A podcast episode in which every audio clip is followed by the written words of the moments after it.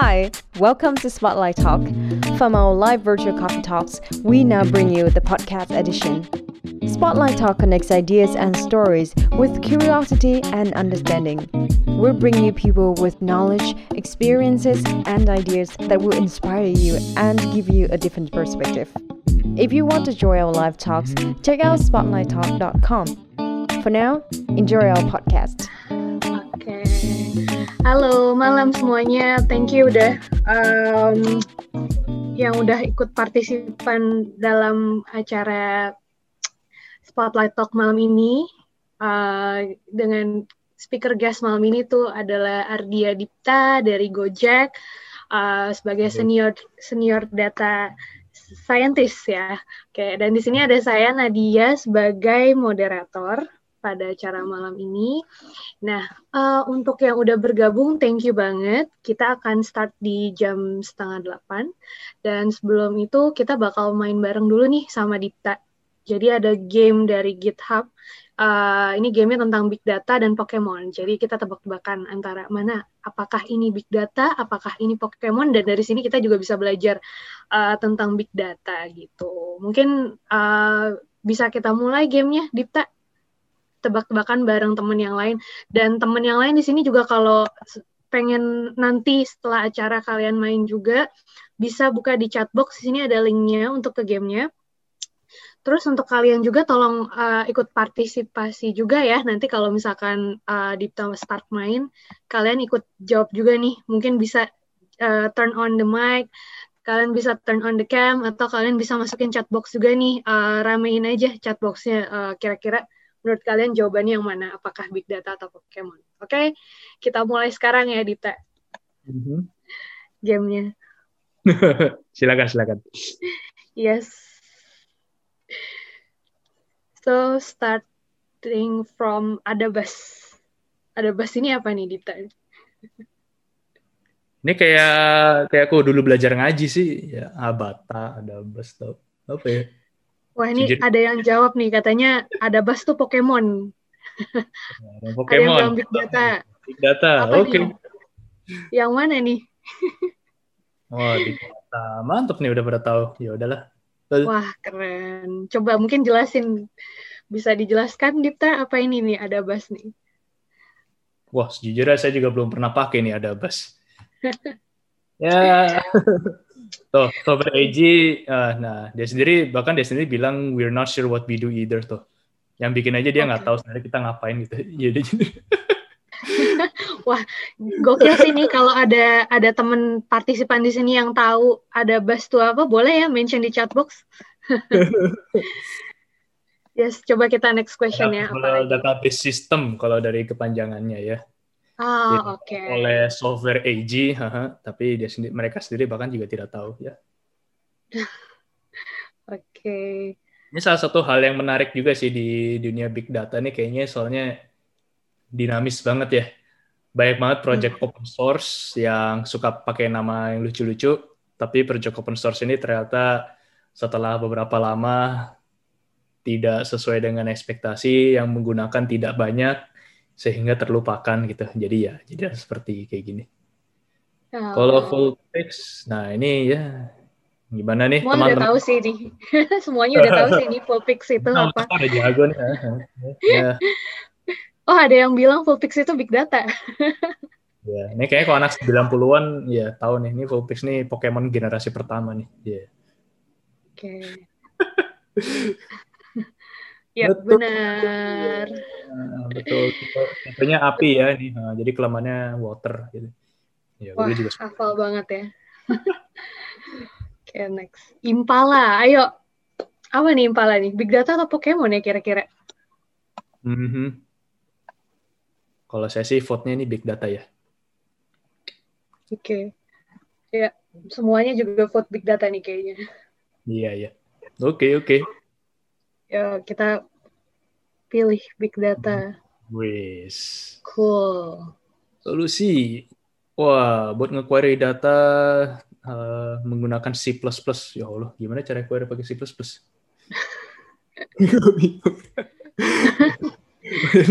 Oke. Jadi kalau querying big datanya too slow bisa pakai Impala ya ternyata ya. Tapi pakai C++.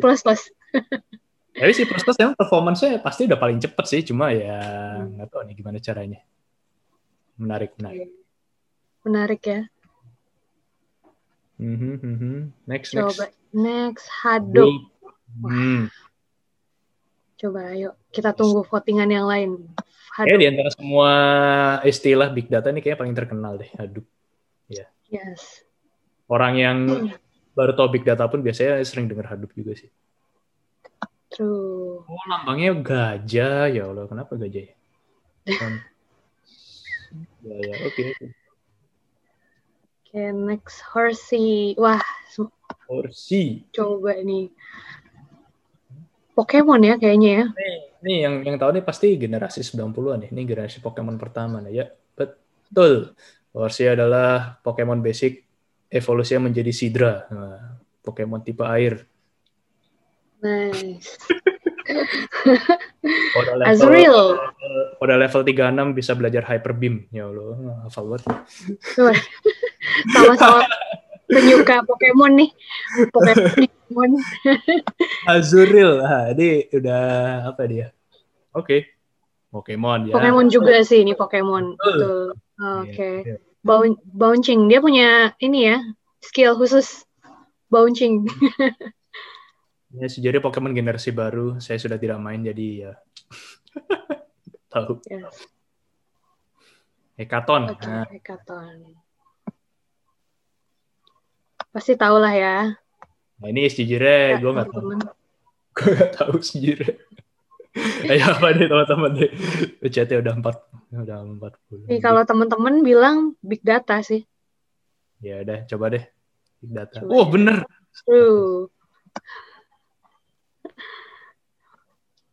Mungkin nextnya boleh kali ya. Kita pilih nih temen yang jawab di chatbox untuk jelasin kalau mereka tebak big data atau Pokemon. Terus siapa tahu mereka tahu. Coba nih, siapa yang tahu Pangul? Pangul itu apa ya, teman-teman? Big data atau Pokemon? Gue nebaknya ini Pokemon deh. Pokemon nih Syai- Syaiful Arif tuh bilang Pokemon katanya. Level Arif. Kita juga bilang Pokemon. Oke. Oh, Oh. big data. Ah, Waduh.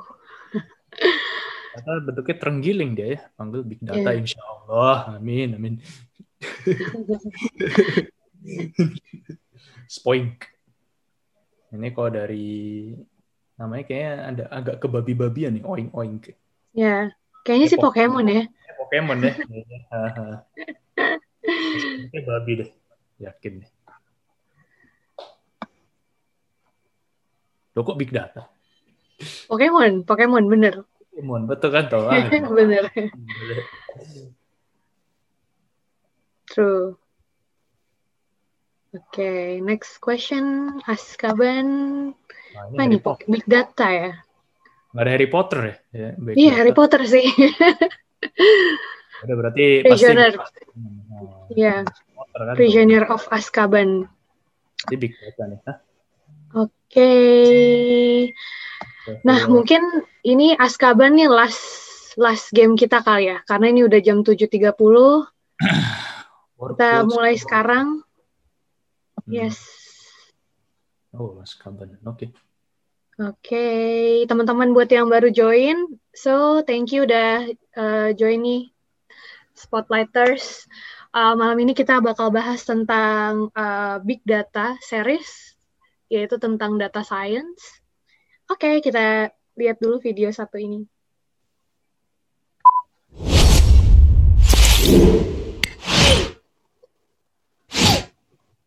Hi, everyone. Welcome to Spotlight Talk.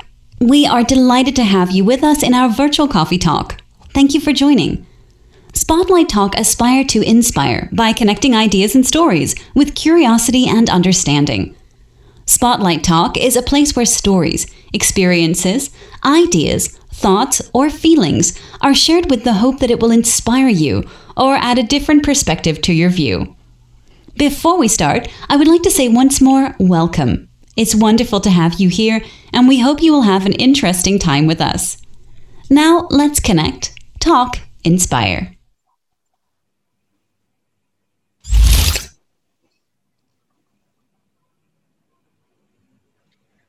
Okay, so ya malam ini ada Ardia Dipta dari Gojek dan saya sebagai um, sebagai uh, moderator di sini Nadia.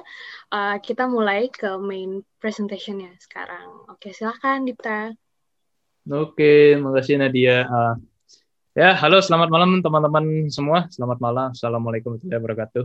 Uh, Ya, uh, senang bisa ada di sini di di Spotlight uh, Spotlight Talk.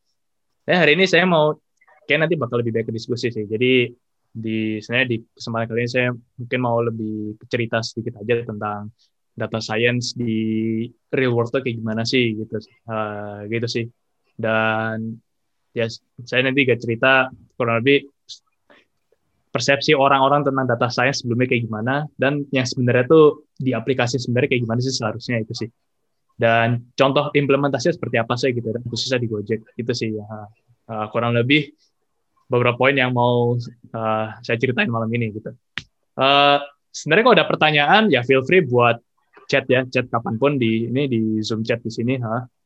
Jadi kalau misalkan ada misalnya lagi ngomong tiba-tiba ada tercetus ada pop up any question silakan aja di chat nanti kita baru baru coba saya jawab atau kita diskusi bareng di akhir dari sesi talk ini ya.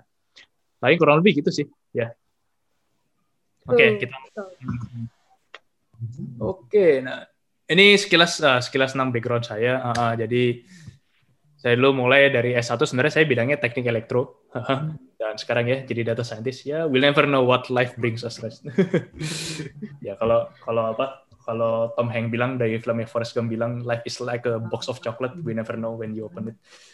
Jadi ya gue lo juga waktu waktu masih kuliah sebagai ini uh, S1 teknik elektro sama sekali nggak ada ide bakal jadi data scientist.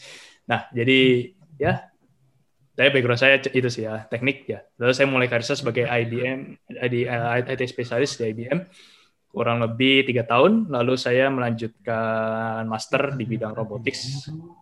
Karena sebenarnya dari dulu memang saya interestnya besar di robot sih. Oh. Hmm. Ups, halo, kayaknya gue dengar echo deh. Jadi, jadilah dia dalam bentuk Sorry, ini kayak ada ada echo. Ada echo ya? Atau ada yang suara ini ya? Sorry. Udah kok. Nah, oke okay, oke. Okay. Nah, nah ya jadi jadi sebenarnya bidang saya dari semenjak elektro sebenarnya emang udah suka banget sama bidang robotics gitu. Jadi saya memutuskan buat ini melanjutkan ke master bidangnya robotics atau slash AI gitu ya. Jadi program saya itu dulu Master of Robotic System Development, di mana di situ saya belajar tentang technical robotics dan juga tentang bisnisnya. Jadi gimana cara kita mengimplementasikan AI di the real world industry gitu. Uh, uh, ya di ya kampus saya dulu Carnegie Mellon University itu di Pittsburgh, Pennsylvania ya gitu. Nah ini salah satu project saya uh, foto kecil dulu salah satunya adalah space robotics. Jadi uh, menarik banget dulu uh, salah satu project kampusnya kita bikin moon rover. Jadi space robotics buat exploration ke bulan. Nah lalu setelah itu saya sempat berkarir juga di US kurang lebih dua tahun. Yang pertama kali di ini di Caterpillar kita nge-build ini robotics engineer. Uh, saya sebagai robotics engineer kita nge-build self driving truck gitu. Jadi truk tanpa supir Nah, ini ini salah satu implementasi AI atau mesin learning yang lagi cukup hangat juga di US gitu. Karena berbagai macam perusahaan dulu mencoba berlomba-lomba membuat self driving vehicle gitu. Um, ya, ya salah satu yang udah sering kita dengar seperti Google, Tesla, Tesla udah ada autopilot. Ya sekarang Apple mungkin ya dalam ya masih masih dirumorkan. Nah ini saya di Caterpillar bikin self driving truck juga gitu. Jadi gimana caranya supaya truk itu bisa bolak-balik, uh, muter bolak-balik di dalam mining site itu, mulai dari tempat pertambangan utamanya sampai dumping site-nya, sampai itu uh, ngebuang semua galian atau uh, ngetransport biji tambangnya. Nah, itu dikendalikan secara langsung oleh robot gitu loh. Jadi nggak nggak nggak nggak perlu lagi ada uh, orang harus ditempatkan di rural area terus uh, sehingga robotnya bisa beroperasi terus tanpa perlu merasa bosan, tanpa ngantuk kayak gitu. ya ide dulu kayak gitu sih. Ya, ya udah dipulai juga beberapa dan ya setelah itu saya lanjut juga ke sebagai robotics research engineer di Robotics Institute itu salah satu pecahannya dari Carnegie Mellon.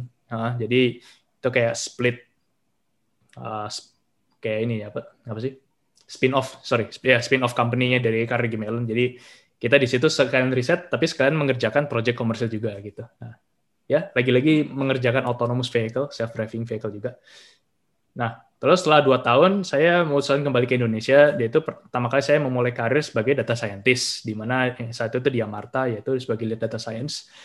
Um, ya, yeah, gitu sih. Jadi saya waktu itu mencari apa irisan antara robotics, yaitu machine learning dengan uh, ini nih uh, di Indonesia kira-kira apa sih? Oh ternyata data science lagi topik yang cukup berkembang nih, nah yang lagi hangat. Ya udah saya coba explore itu dan ternyata ya sampai sekarang saya masih jadi data scientist. Saya di Gojek sambil sempat part time juga di Workbank gitu. Itu sih kurang lebih. Ya. Cool ya, menarik banget nih profilnya Dipta. Yes, sedikit. Yes.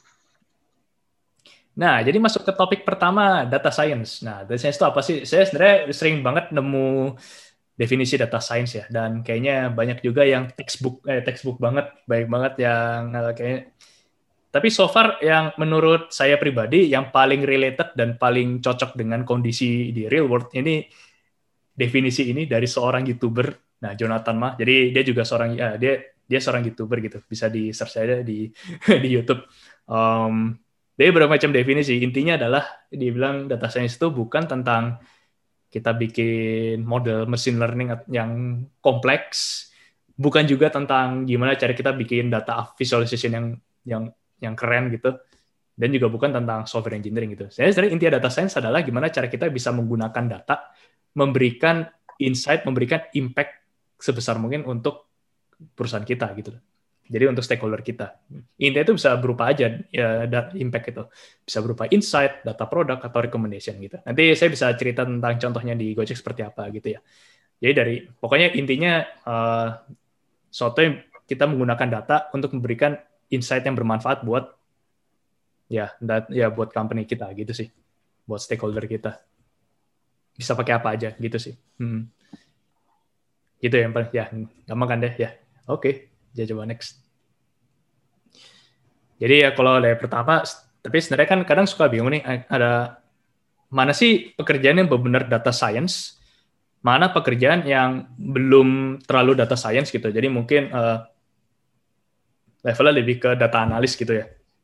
Ya kalau saya coba kutip dari beberapa tipe analytics yang sudah pernah dipublish oleh McKinsey gitu loh. Nah, ini source-nya McKinsey's Executive Guide to AI. Bisa kalian googling nanti kalau kalian penasaran lebih detail tentang artikelnya gitu. Jadi sebenarnya pada dasarnya analytics itu ada tiga tipe nih. Nah, um, jadi pertama yang paling sederhana itu deskriptif jelas. Jadi deskriptif itu kita menggambarkan apa yang terjadi saat ini gitu kan. Nah, oops, bentar. Uh, nggak loading ya oke okay. nah jadi uh, jadi menggambarkan apa yang terjadi saat ini. Jadi kalau misalnya ada pertanyaan nih kurang lebih sekarang penjualan transaksi eh, transaksi kita gimana nih uh, seminggu ke belakang? Nah itu kita mendeskripsikan apa yang terjadi. Oh ternyata penjualan di bidang ini uh, menurun sementara penjualan item ini menaik nah, naik tuh gitu. Nah itu kan deskripsi dari apa yang terjadi saat ini. Nah itu termasuk deskriptif kayak gitu Berikutnya, uh, selangkah next step yang lebih kompleks itu adalah prediktif, di mana kita memprediksi keadaan masa depan dengan data historical gitu loh. Jadi berdasarkan data seminggu, sebulan terakhir tuh kayak gini loh gerakannya gini. Terus kita bisa bikin forecasting misalkan, atau bikin regresi sederhana. Nah, terus kita prediksi, oh kira-kira seminggu ke depan kayak gini loh. Nah, itu prediktif karena kita sudah mulai uh, memprediksi masa depan dari data-data yang sekarang. Nah, Berikutnya yang paling kompleks adalah preskriptif, di mana kita di sini kita memprovide recommendation apa yang mau dicapai oleh uh, ini goal kita gitu loh. Tergantung. Nah, preskriptif ini biasanya cuma bisa dilakukan oleh perusahaan-perusahaan yang datanya udah sangat besar, uh, user usernya juga sudah sangat besar, Terus objek-objek yang mau dipreskriptifkan itu juga sudah sangat besar. Kalau di Gojek salah satu contoh adalah makanan GoFood, di mana kita bisa menggunakan uh, item-item GoFood dan customer base yang besar untuk bikin rekomendasi GoFood. Nah, itu satu contohnya. Begitu juga contoh lain adalah di Amazon atau misalkan di Netflix yang merekomendasikan film gitu berdasarkan preferensi orang masing-masing. Nah, jadi gitu sih. Nah, jadi dari tiga tipe analitik ini yang deskriptif, yang preskriptif ini yang dikerjakan oleh data science gitu. Jadi kalau misalkan uh, biasanya kalau company masih early stage, belum sampai tahap prediktif, nah sementara yang dikerjakan kebaikan deskriptif atau misalkan lebih sering bikin report dari data yang ada atau report yang ada uh, report dari data-data sederhana kayak di Excel. Nah, itu mungkin lebih cocok untuk meng-hire data analis dulu gitu biasanya untuk bikin deskriptif analisis tadi gitu. Tapi kalau memang sudah kebutuhannya sampai prediktif atau preskriptif, baru uh, di sinilah peran data scientist. Nah, gitu. Ya, kurang lebih gitu sih. Ini bisa di next. Oke, jadi yang paling penting dari seorang data scientist adalah menerjemahkan antara bisnis matrix ke data science matrix. Nah, ini sebenarnya step paling pertama yang harus harus diketahui oleh para data oleh data scientist gitu loh. Jadi uh, data scientist itu tidak cuma bikin model machine learning doang, nggak cuma bikin uh, visualisasi data gitu. Tapi kita juga harus proaktif, kita harus uh, empatik, ya kita harus empatik, harus sangat curious dengan bisnis problemnya yang ada gitu loh. Uh, jadi bisnis ini apa sih yang mau kita achieve gitu loh. Ya salah satu yang sederhana mungkin kalau dari stakeholder kita, oh saya mau improve revenue, saya ingin improve transaction. Saya ingin menyelamatkan ya saya ingin save time atau cost saving cost gitu. Nah itu kan dari business metrics. Nah ini gimana cara kita bisa menerjemahkan menjadi data science metrics? Ya kalau misalkan tergantung dari problemnya kalau misalkan linear regression ya RMSI kalau misalkan classification precision recall dan seterusnya gitu atau yang lain ya ya gitu nah ini gimana cara kita bisa memprediksi kayak contoh nih uh, biasanya ini paling sering kayak di company yang berkaitan dengan ini risk lending risk gitu. Kita mau bikin model yang memprediksi apakah uh, seorang customer nasabahnya itu bakal default apa enggak. Biasanya kayak gini, salah satu contoh. Ah, uh, stakeholder kita kita pingin kalau bisa nggak ada nggak boleh ada uh, ini NPL atau non performing loan yang lebih dari satu persen gitu misalkan. Oh berarti 99 persennya harus benar nih gitu loh kan yang gagal cuma boleh satu persen Nah, itu kita terjemahin tuh dalam oh precisionnya berarti uh, harus uh, kita ngedeteksi paling nggak 99% minimal kayak gitu. Gitu. Ya atau recall recall juga gitu loh. Hmm. Gitu. Nah, itu salah satu contohnya sih. Nah. Nah, kalau dari ya beberapa contoh use case kalau saya cerita di Gojek sebenarnya data source ditaruh di mana aja sih gitu loh. Kalau di dia di real world data science dipakai di mana aja. Nah, kalau di Gojek tuh saya bisa cerita hampir di semuanya. Jadi kalau setiap kalian mulai buka aplikasi Gojek, nah itu sebenarnya udah ada algoritma data science yang bekerja di belakangnya. Mulai kayak misalnya kalian buka aplikasi, nah itu kalian ada di mana sih? Nah, itu di area situ tuh lagi rame apa? Nah, itulah yang direkomendasikan di makanan kita, misalkan kayak gitu.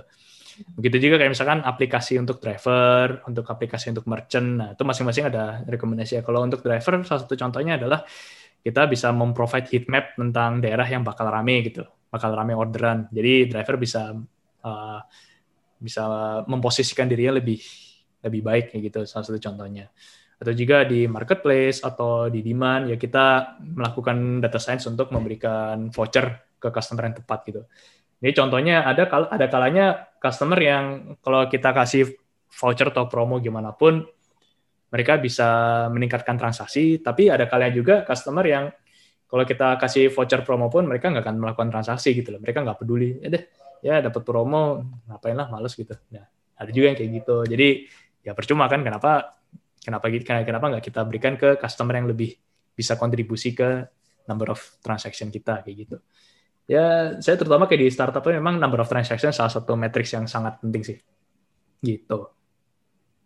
Ya ya itu dengan makanan dan seterusnya. Jadi saya bisa cerita kalau di real world, khususnya kalau di Gojek, itu hampir semuanya uh, data saya hampir dipakai di semuanya gitu. Bahkan kayak misalkan di operasional gitu, kita juga menggunakan uh, kayak kita kayak memprediksi ini kapan sih kira-kira orang bakal rame gitu Uh, jadi kita bisa menempatkan customer service dengan lebih efisien kayak gitu juga contohnya. Oke, okay, ya, yeah. next. Jadi ini yang paling pertama, ini mungkin saya udah sering cerita juga di beberapa talk lainnya. Tapi ini uh, karena ini memang ini sih apa uh, case data science yang menurut menurut uh, saya pribadi paling impactful dan memang paling pertama. Jadi tonggak utama tonggak pertama data science di Gojek tuh ini gitu loh. Gimana cara kita bisa memberikan allocation system yang lebih baik. Gimana kita matchmaking antara driver dan customer gitu loh. Jadi uh, ya gitu. Karena dulu tuh Gojek kan kalau mungkin teman-teman mungkin ada yang pernah pakai juga zaman Gojek dulu dari zaman kayak masih call center gitu. Orang kalau pesen Gojek harus telepon dulu terus uh, customer care-nya harus nelpon driver oh ini tolong jemput ini nih ada pesanan. Nah, nah terus baru mereka baru datang. Nah itu kan paling pertama ya terus baru mulai berikutnya beralih ke aplikasi tahun 2015 di saat itu memang udah pakai aplikasi tapi driver tuh dapatnya dari cepet-cepetan voting kalau misalnya dari customer, driver cepet-cepetan nih ngetap siapa nih, nah yang paling cepet yang dia dapat. Nah itu kadang kasihan tuh driver yang apa, yang agak tua gitu, misalkan yang menggunakan iPhone-nya, eh yang menggunakan ya HP-nya masih kayak pakai satu jari. Nah itu biasanya uh, telat tuh dibandingkan anak yang lebih muda lainnya gitu. Dia lebih telat voting. Padahal belum tentu driver yang lambat ngetiknya dia nggak bisa kerja baik kan, nah, kayak gitu. Makanya kita waktu itu uh, coba come up with idea kira-kira gimana ya bisa biar kita bisa memberikan allocation system yang lebih baik buat driver dan juga buat customer. Ya udah inilah kita pakai data science. Jadi kita pada dasarnya kita ngeranking ngeranking driver manakah kira-kira yang probabilitas yang paling besar untuk menyelesaikan sebuah orderan. Nah, itu ide paling awal kayak gitu. Ke, ke belakangnya ini ide ini terus terus berevolusi uh, makin kompleks bisnis bisnis problemnya makin makin kompleks. Tapi pada dasarnya idenya seperti itu. Gimana kita bisa memberikan uh, bisa mematchmaking antara driver dan customer lebih baik kayak gitu sih. Ya kalau misalnya contoh nih customer yang biru dia paling deket awalnya customer uh, driver yang abu-abu mobil yang abu-abu tapi ternyata dia ya jauh nih jalannya harus muter balik dulu ternyata intinya tinggi oh oh ya berarti dia uh, probabilitasnya kecil mungkin bakal di cancel sama customer. Customer pas ngeliat waduh jauh nih gitu. Atau enggak drivernya waduh mas maaf mas saya harus uh, muter dulu gitu. Ya cancel aja ya. Nah nah itu salah satu contohnya. Nah, terus berikutnya yang biru, nah kita on trip kan, lagi on trip, nah masa kita nendang customer yang lagi dalam mobil gitu, nggak mungkin juga kan, ini bukan Grand Theft Auto gitu. Uh, jadi ya nggak bisa gitu juga. jadi berikutnya kalau yang yang customer yang yang emas nih, yang yang kuning, uh, customer ini biasanya pulang ke arah Tangerang ya, yang kuning nih biasa ke arah Bekasi gitu kalau aja jam pulang. Customernya pesan kebetulan jam 5 sore, nah kan arahnya berlawanan banget tuh ya. Biasanya sih most likely ya driver bakal nolak ya biasanya gitu. Waduh mas, maaf saya mau ke, saya udah mau pulang nih ke arah sini. Kayaknya nggak ada gitu. Nah, jadi kita terus belajar dari kasus-kasus kayak gitu sehingga kita bisa bikin uh, kalau misalkan kayak gini, ini bakal di cancel loh. Kalau misalnya kayak gini, ini bakal diterima loh. Nah, orderannya, nah kayak gitu. Untuk menjawab-menjawab pertanyaan kayak gitu, kita terjemahkan dalam sebuah bentuk probabilistic score gitu loh. Jadi skor skor probabilitas ini yang kita ranking kemudian. Jadi yang paling tinggi ini uh, driver rankingnya ranking satu probabilitas 99%. Uh, ranking nomor 2 probabilitasnya 97%. Nah, untuk menyelesaikan orderan. Oh ya udah berarti kita pilih yang yang atas nih. Ternyata yang hijau ini. Nah, kayak gitu. Salah satu contohnya. Jadi gitu, kayak di ranking. Nah, itu dari data science. Gimana caranya? Nah, ini next slide sih. Jadi seiring berjalan waktu kan kita uh, ya sorry ini sebenarnya ini screenshot nah yang aplikasi yang yang yang, yang uh, agak enggak lama gitu. Tapi kurang lebih kita pakai fitur-fitur yang seperti ini gitu. Jadi kita ada ratusan feature sebenarnya. Dari sini kita masukin ke dalam algoritma nah, deep learning pakai ya, terus kita keluarin labelnya tuh saat itu komplit atau enggak. Nah, dari ratusan feature yang ada, nah sini kita bikin model yang paling pertama untuk uh, allocation system di Gojek kayak gitu. Ya, time of day, day of week, kalau untuk weekend untuk uh, weekday kayak gimana, di mana kayak gimana, supply kayak gimana di saat itu originnya gimana, destinationnya kayak gimana, ya. terus profile customer dan seterusnya. Pokoknya ada ratusan, ya. Jadi itu sih. Next, kalau hmm, ya next. Berikutnya contoh kasusnya ya ini food, food service personalization. Jadi kadang ada dua orang yang ya nggak kadang sih memang selalu sih. Kayak orang orang itu kan masing-masing punya preferensi yang beda ya. Di sini kita kasih contoh ada Mila dan Hussein. Si Mila itu suka banget makanan yang uh, kayak burger gitu misalkan. Sementara si Hussein ini suka banget sama mie. Nah, ya kalau kita lihat next, uh, ya kalau coba kita bandingin, ya sorry next. Ya kita bandingin di awalnya mereka ini punya halaman rekomendasi GoFood yang sama, misalkan. Tapi setelah sering berjalan waktu, kita belajar dari historical data kalau si Mila ini seneng banget sama burger. Ya udah kita rekomendasi makan yang burger aja gitu loh. Karena itu bakal awalnya dia mungkin butuh scroll scroll, butuh waktu satu menit untuk sampai dia pesen uh, pesen makanan. Sekarang dia cuma butuh waktu 10 detik buat sampai pesen makanan. Nah, yang si Husen gitu juga. Awalnya uh, butuh waktu beberapa menit, sekarang dia cuma butuh waktu 5 detik, 10 detik udah nemu makanan kesukaannya dia tuh. Nah, ini paling atas mimicking. Nah, itu contohnya. Ya, gitu sih. Jadi kita memberikan customer experience di sini. Nah, next. Ya. Berarti baca audience interest juga ya dari situ ya? Iya, betul. Ha, betul, Nadia. Ha. Jadi kita juga belajar. Makanya dari uh, dari jutaan menu makanan GoFood itu sama jutaan customer kita, kita coba beber mengerti bagaimana sih behavior masing-masing orang kayak gitu loh. Uh -uh. Nah ini saat kalau ditanya kena gimana tuh caranya, nah ini ada ini kurang lebih kayak gini nih. Jadi kita kalau di Gojek kita masing-masing GoFood itu ada representasinya sebenarnya dalam bentuk matriks. Jadi dalam matriks angka. Di sini matriks angka ini sebenarnya ada ratusan elemen elemen number ada ratusan, hmm.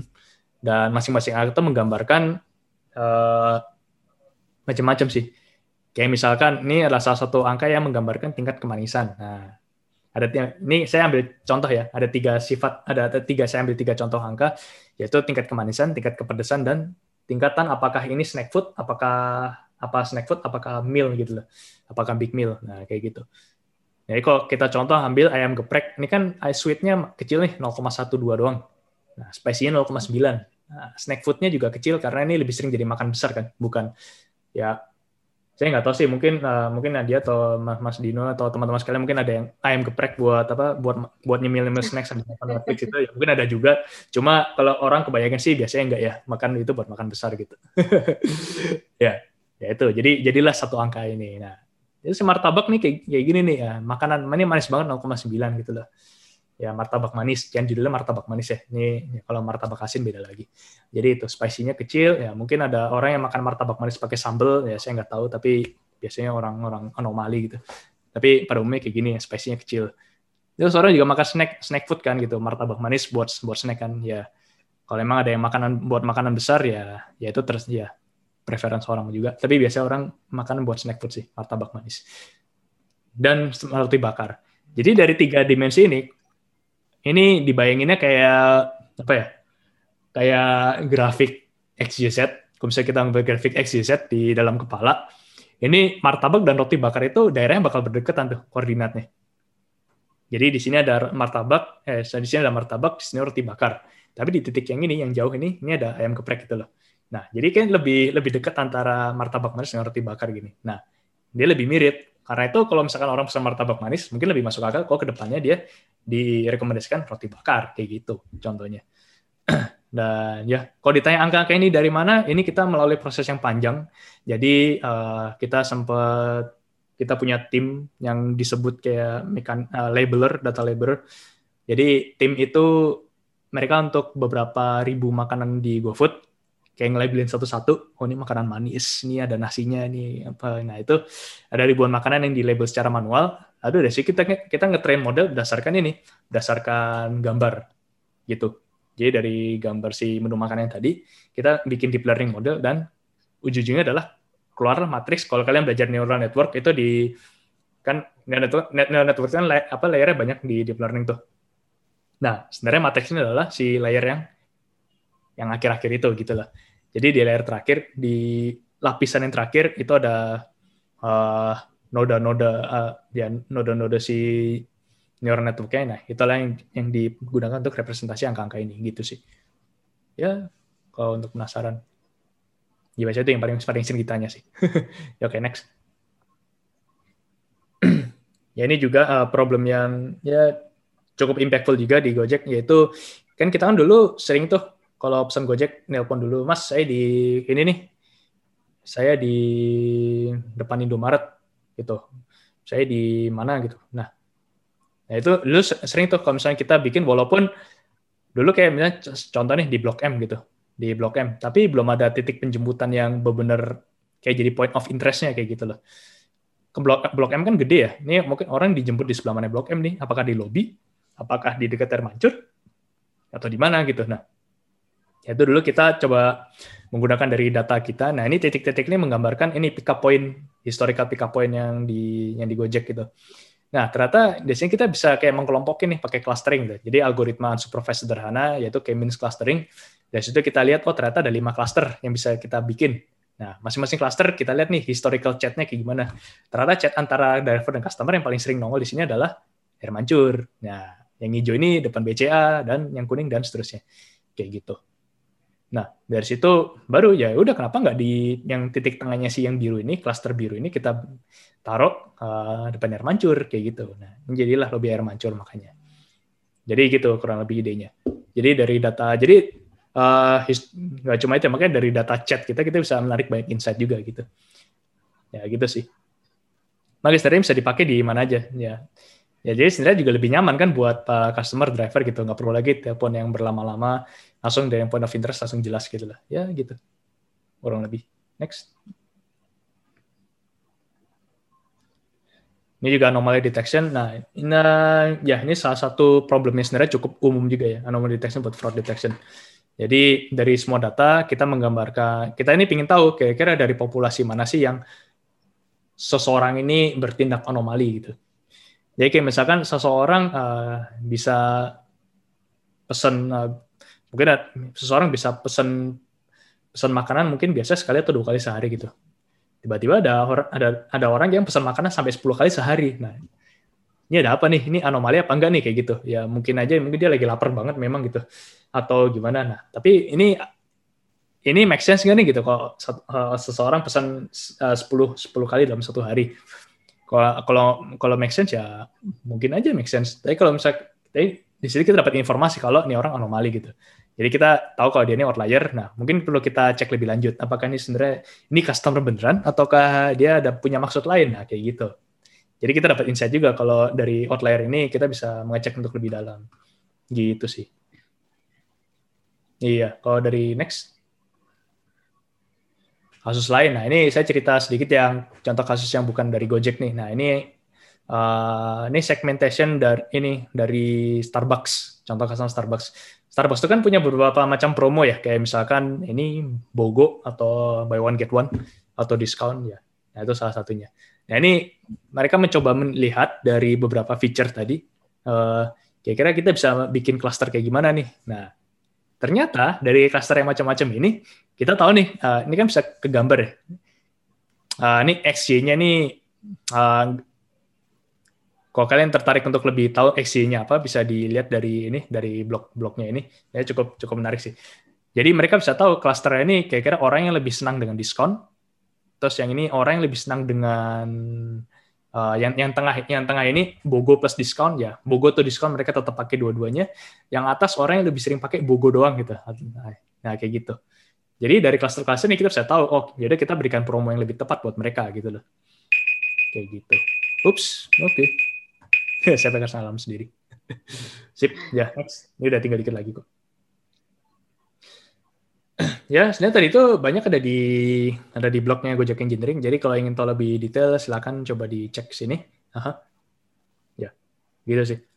Kalau ingin kalian ingin tahu lebih detail lagi tentang teknisnya, di sini banyak banget tulisan yang menarik. Uh, nggak cuma data science, ada juga tentang big data. Kita juga beberapa ada project open source di Gojek.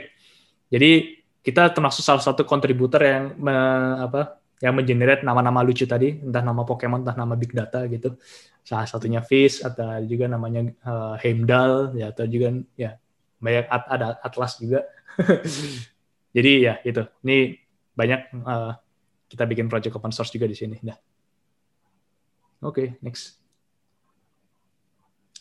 Jadi ini mungkin sekedar ini kayak sekedar tips tambahan sih kalau misalkan ya teman-teman ada yang tertarik dengan bidang ini gitu. Jadi biasanya kompetisi itu apa aja sih gitu? Biasanya tiga ya utamanya itu matematik, computer science dan bisnis acumen gitu. Uh, ya detail bisa dilihat ya matematik, statistik jelas ya, ya algebra, kalkulus gitu. Computer science ya di sini uh, ya biasanya memang untuk menerjemahkan dari insight menjadi produk itu kan memang harus bentuknya software. Jadi computer science di sini cukup uh, penting. Terakhir business acumen di mana kita juga perlu untuk perlu ada untuk bisa berkomunikasi dengan baik dengan para stakeholder kita uh, dan juga untuk menentukan problem mana sih yang tepat untuk di solve gitu loh. Soalnya kadang ada problem yang kayaknya cukup seksi nih buat di solve gitu. Kayak cukup keren, kayak berkilauan gitu. Kalau kita lihat, wah ini problem keren banget nih. Tapi begitu mau kita coba explore, kita put some effort di situ, ternyata di ujung-ujungnya kayak yang tidak kayak tidak memberikan impact apa-apa buat bisnis gitu. Kan percuma. Nah, makanya yang bisa komen cukup penting sih. Biasanya justru lama paling lama tuh di proses yang bisa acumen ini, kayak gitu sih. Jadi kita sering banget tektokan sama stakeholder, uh, ini apa sih yang mau di solve sebenarnya gitu lah. Pertanyaan itu kadang uh, harus terus diiterasi, terus dipertanyakan berulang kali kayak gitu sih. Gitu sih biasanya. Ya. Next. Ya, ini sedikit tips buat mengasah tiga hal tadi. Yang jelas pertama keep learning. Sekarang ini yang namanya sumber belajar tuh udah banyak banget. Kayaknya udah nggak ada excuse buat, waduh saya nggak bisa, ini uh, sumbernya dari mana? Ya udah banyak sumber yang gratis juga gitu. ya sumber gratis. Kalau nggak murah, kalau nggak cukup murah ya ya gratis gitu. Jadi udah baik banget yang tempat buat belajar gitu sebenarnya uh, ya keep practicing juga jangan lupa buat uh, kita terus mencoba cari tahu dunia luar sebenarnya kita, yang di luar tuh dipakai sebenarnya kayak gimana sih ya? Nah itu ada Kaggle Analytics Media. Kalau mereka suka ada kompetisi yang menarik atau hacker rank kalau misalkan uh, uh, latihan di softwarenya gitu. Dan terakhir untuk supaya tahu dunia luar tuh tahu apa yang eh dunia luar tahu kemampuan kalian ya jangan lupa juga bangun portfolio yang bagus gitu loh. Dari GitHub atau di Medium gitu ya. Dan terakhir untuk bisa acumen ini dua buku yang saya rekomendasikan yaitu uh, Pyramid Principle dari Barbara Minto, dia ex konsultan McKinsey.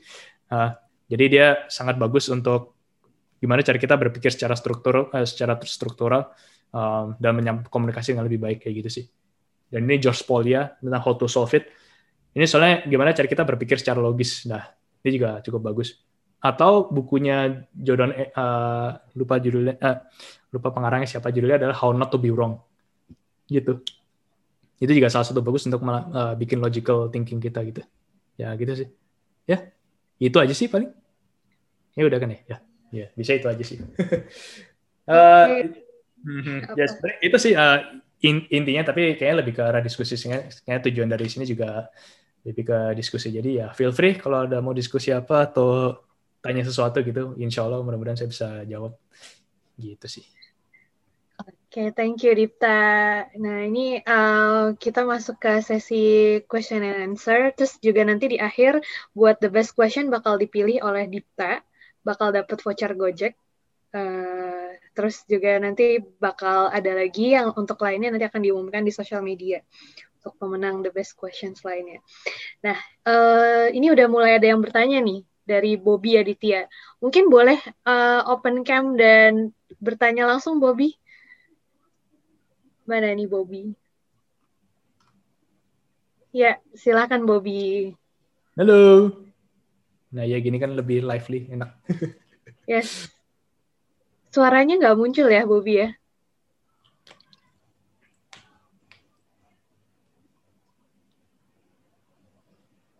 Cek cek, halo Bobby, suaranya belum nongol. Apakah dia masih ke mute deh? Kayaknya karena bukan host deh.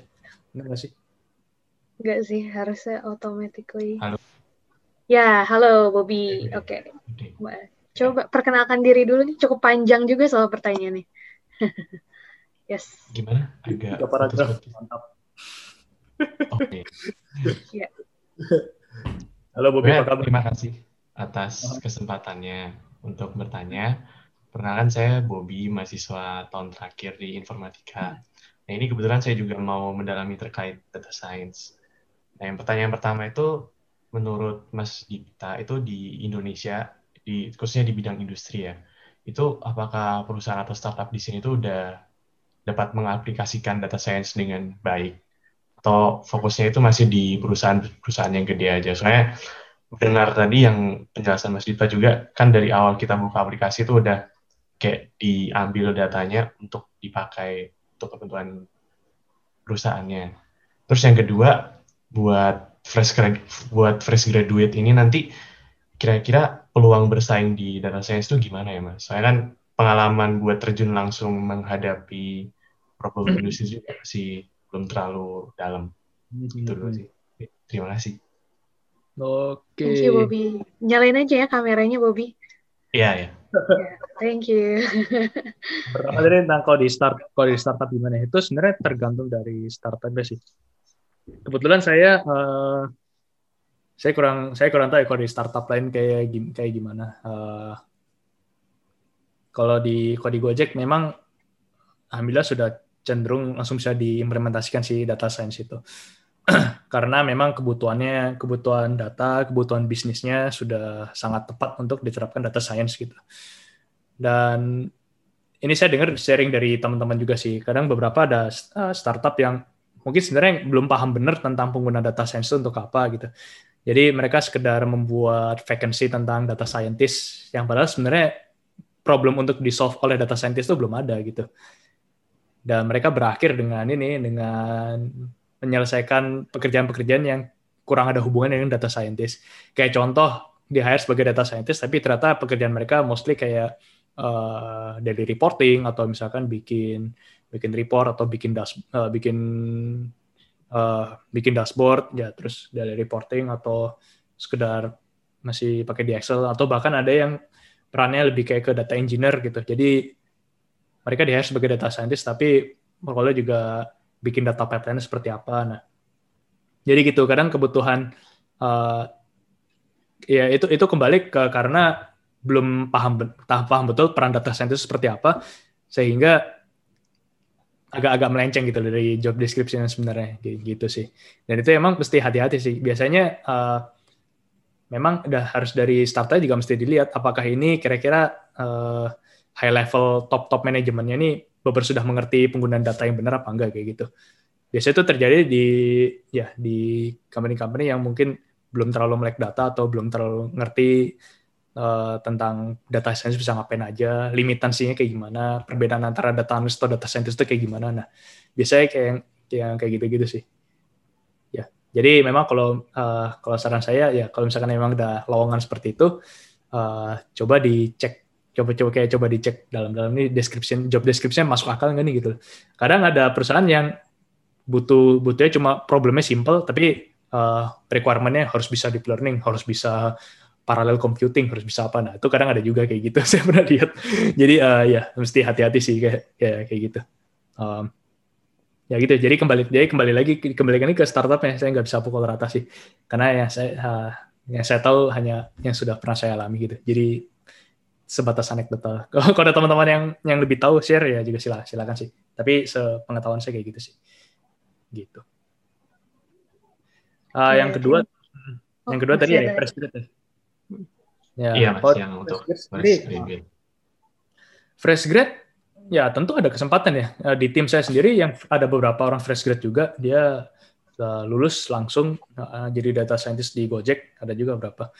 Tapi memang dia nge-build nge-build portfolionya nggak ini sih nggak pas lulus baru nge-build nggak. Dia ketika masih jadi mahasiswa dia udah rajin nge-build portfolio seperti ikut internship misalkan gitu ikut internship di di company-company lain yang juga ngerjain tentang data analytics atau enggak ikut lomba gitu misalkan. Ikut lomba sehingga uh, portfolionya ya cukup bagus dan memang ketika kita go through proses interview ya memang ya memang punya potensi gitu. Jadi ya ya udah kenapa enggak kayak gitu sih. Dan beberapa ya di Gojek ada yang kayak gitu sih memang. Jadi kalau dikatakan fresh grade walaupun baru bisa ya tetap tetap bisa sih gitu. Ya cuma ya ya itu. Uh, kalau bisa gimana cara supaya stand out dibandingkan fresh grade lainnya gitu. Ya udah mungkin bisa mulai mencoba membangun portfolio dari ketika masih mahasiswa gitu lah. Ya coba-coba aja coba cari internship atau coba bikin kerjakan open source project kayak gitu. Atau nulis blog nulis blog yang yang bagus juga ya. Ya gitu sih. Oke siap. Makasih banyak mas Tita sangat memberi insight. Thank you, Bobby. Iya, terima kasih. Nah, ini yang kedua ada lagi dari Freddy nih, Freddy Farizal. Uh, boleh on cam Freddy? Ya. Hmm, Freddy atau Ferry? Oh, Freddy dulu. Oke. Okay. Freddy, Freddy. Freddy. Yes, hmm. boleh langsung disampaikan nih pertanyaannya. Oke, uh, halo Mas Dita. Terima kasih banyak atas sharingnya. Ini sangat insightful dan membantu banget. Kalau saya juga kerja di data analytics di startup lain. Jadi uh, kalau boleh minta tips Mas, uh, mau tahu kan data science kan ya uh, fungsinya kan ngasih insight, rekomendasi. Nah saat uh, kita ada ini kayak proyek in-depth analysis, uh, deep dive analysis, uh, kira-kira hal apa yang perlu kita laku, lakukan, tips apa yang perlu kita praktekkan untuk memastikan kalau rekomendasi dan insight kita sudah deep, sudah pasti impactful, dan sudah kayak address the core in the root cause-nya.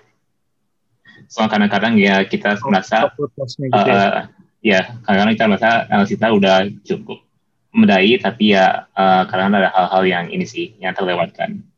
Hmm, hmm, hmm. Iya, iya. Oh, ini pertanyaan menarik juga sih. Itu juga sampai sekarang masih suka jadi pertanyaan yang bisa dibilang nggak ada habis, nggak ada habisnya sih untuk dijawab kayak gitu. Kita kira kita sudah mengerjakan analisis cukup dalam, ternyata masih ada poin-poin yang ruangan yang belum tersentuh gitu. Nah, itu uh, sepengalaman saya memang kunci adalah kita harus rajin berkomunikasi dengan stakeholder kita, gitu sih.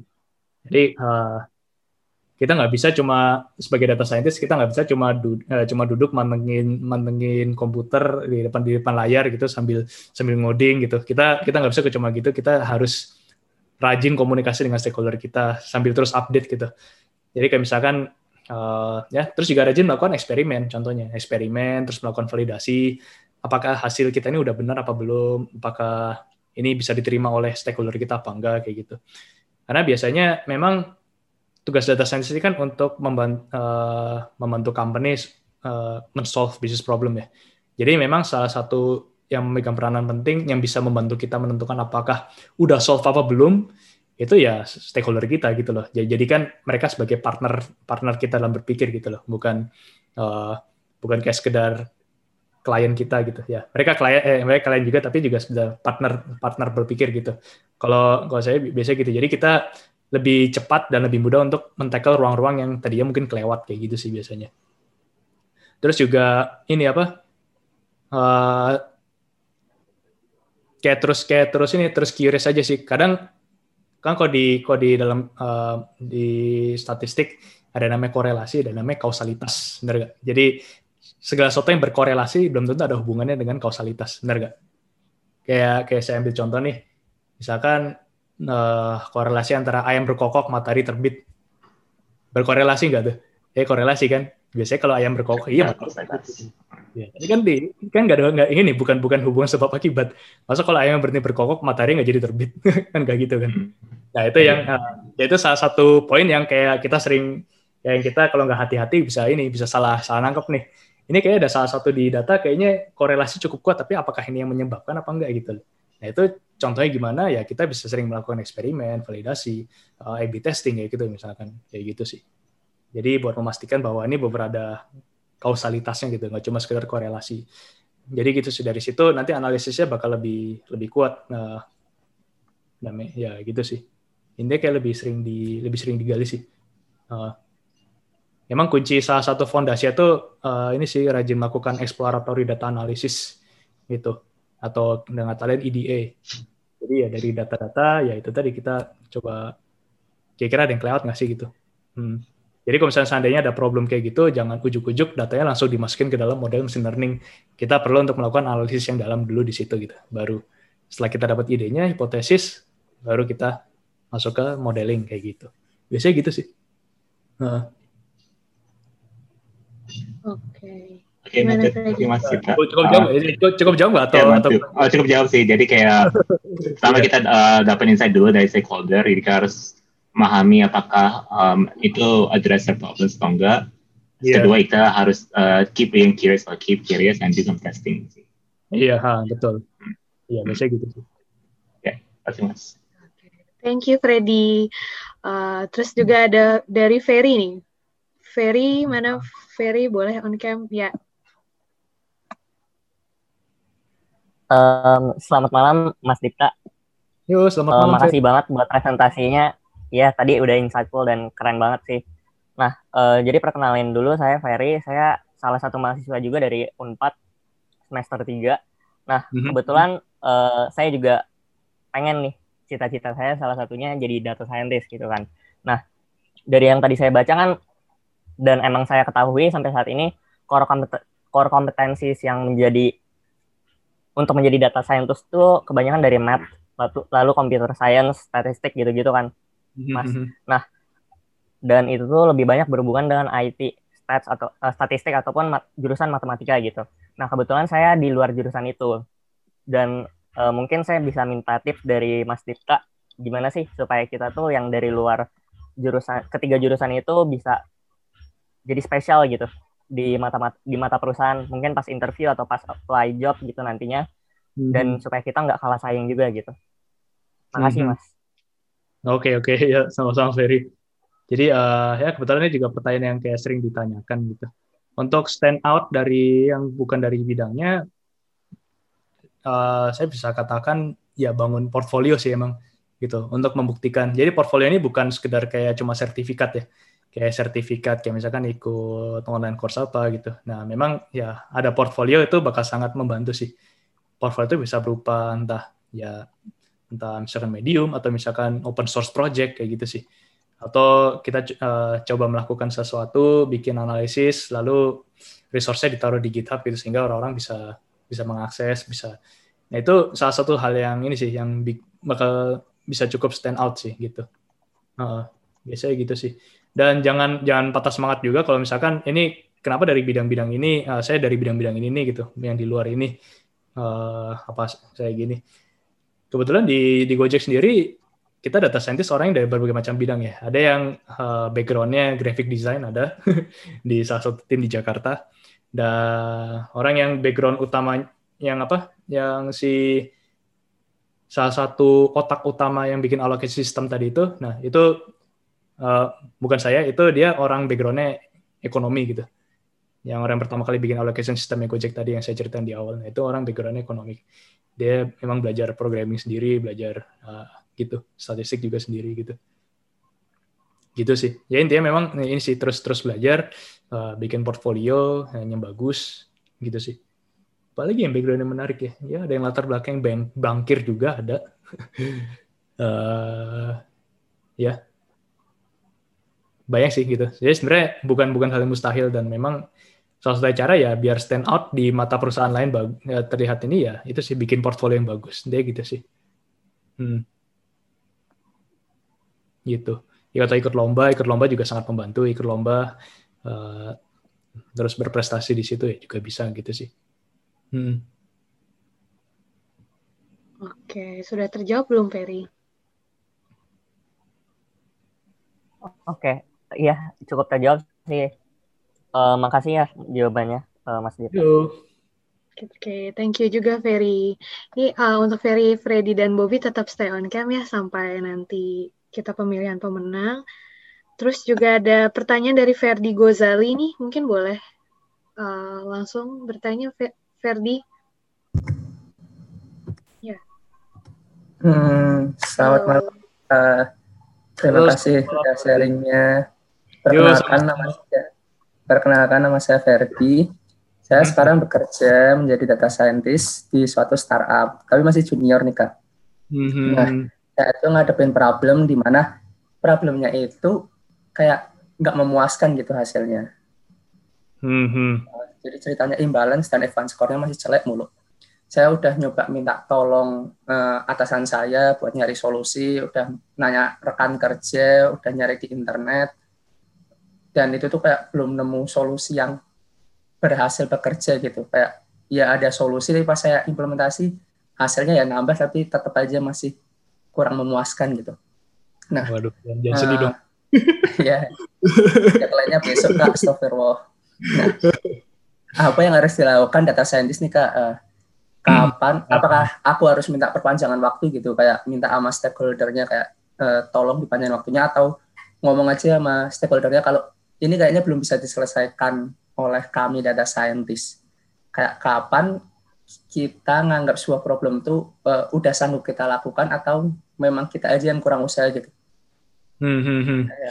Ya, ya ada saya, saya saya kurang tahu problemnya jadi mungkin saya uh, belum bisa memberikan apa ini jawaban secara spesifik tapi uh, mungkin jawaban saya lebih ke general ya tapi memang kita sering sering kali sih memang mendapati suatu masalah yang kayaknya rada sulit nih diselesaikan gitu biasanya memang kita harus banyak kompromi sih memang dengan stakeholder gitu loh Nah, kira-kira dengan kondisi kita yang ada sekarang, data kita seperti gini, resource kita ada sekarang saat ini, waktunya yang diberikan juga segini, ya inilah yang uh, hasil maksimal yang bisa kita berikan kayak gitu. Nah, itu sih yang yang biasanya harus coba dikompromikan gitu. Um, ya bukan ber, bukan berarti uh, kayak benar kayak benar buntu di situ gitu. Ya memang sebaik eh, sebaiknya harus terus itu terus dis, didiskusikan sih dengan ya dengan ya dengan entah dengan stakeholder atau mungkin dengan uh, apa dengan tim lain gitu.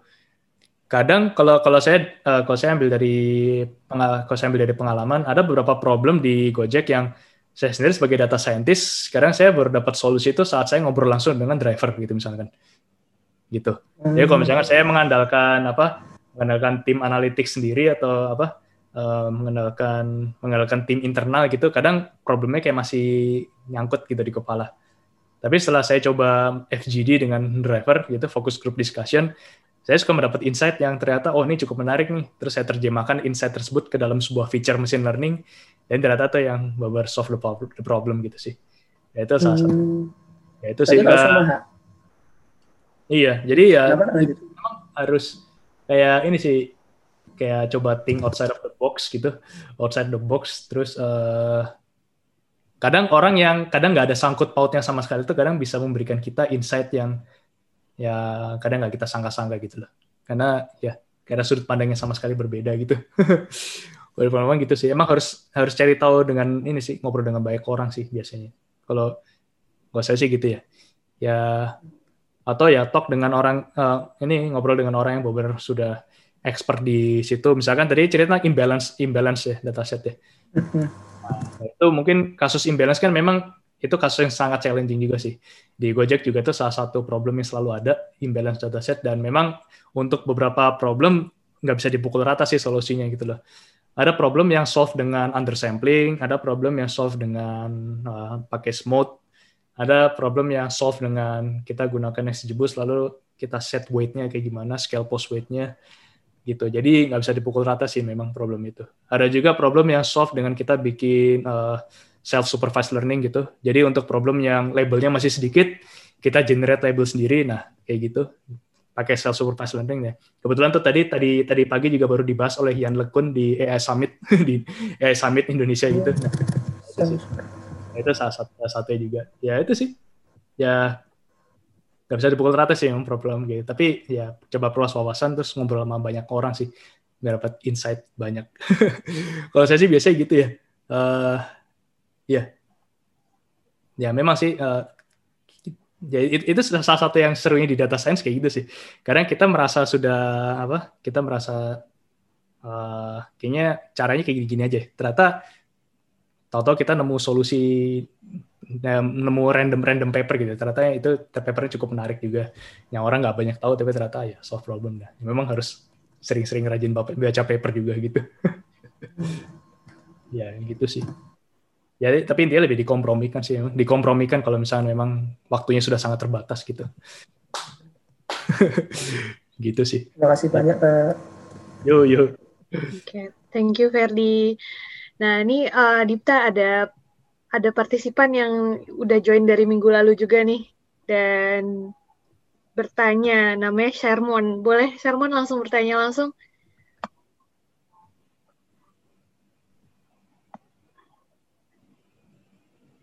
Halo. Ya. Halo semuanya. Halo Shermon. Ya. ya. Halo Shermon. Halo Kak Dipta. Ya, uh, sebenarnya uh, saya perkenalan diri dulu. Uh, perkenalkan nama saya Sermon.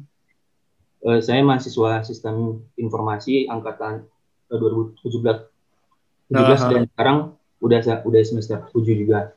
Nah, uh, tadi saya juga tertarik dengan uh, dari Kak Dipta tadi mengenai uh, bahwa uh, data science tuh selain butuh uh, kemampuan di bidang math juga dan juga di bidang uh, computer science dan dan bisnis dan bisnis juga.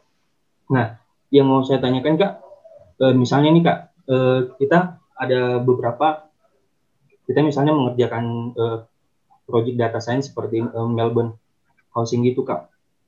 Nah, mm -hmm. uh, saat saat kita mau training datanya sendiri, itu kan kita kan bakalan uh, nginput um, beberapa kolom kolom kak yang sebagai uh, data data train dan data testingnya.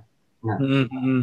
itu cara kita menentukan kolom-kolomnya itu uh, seperti ini bagaimana kak?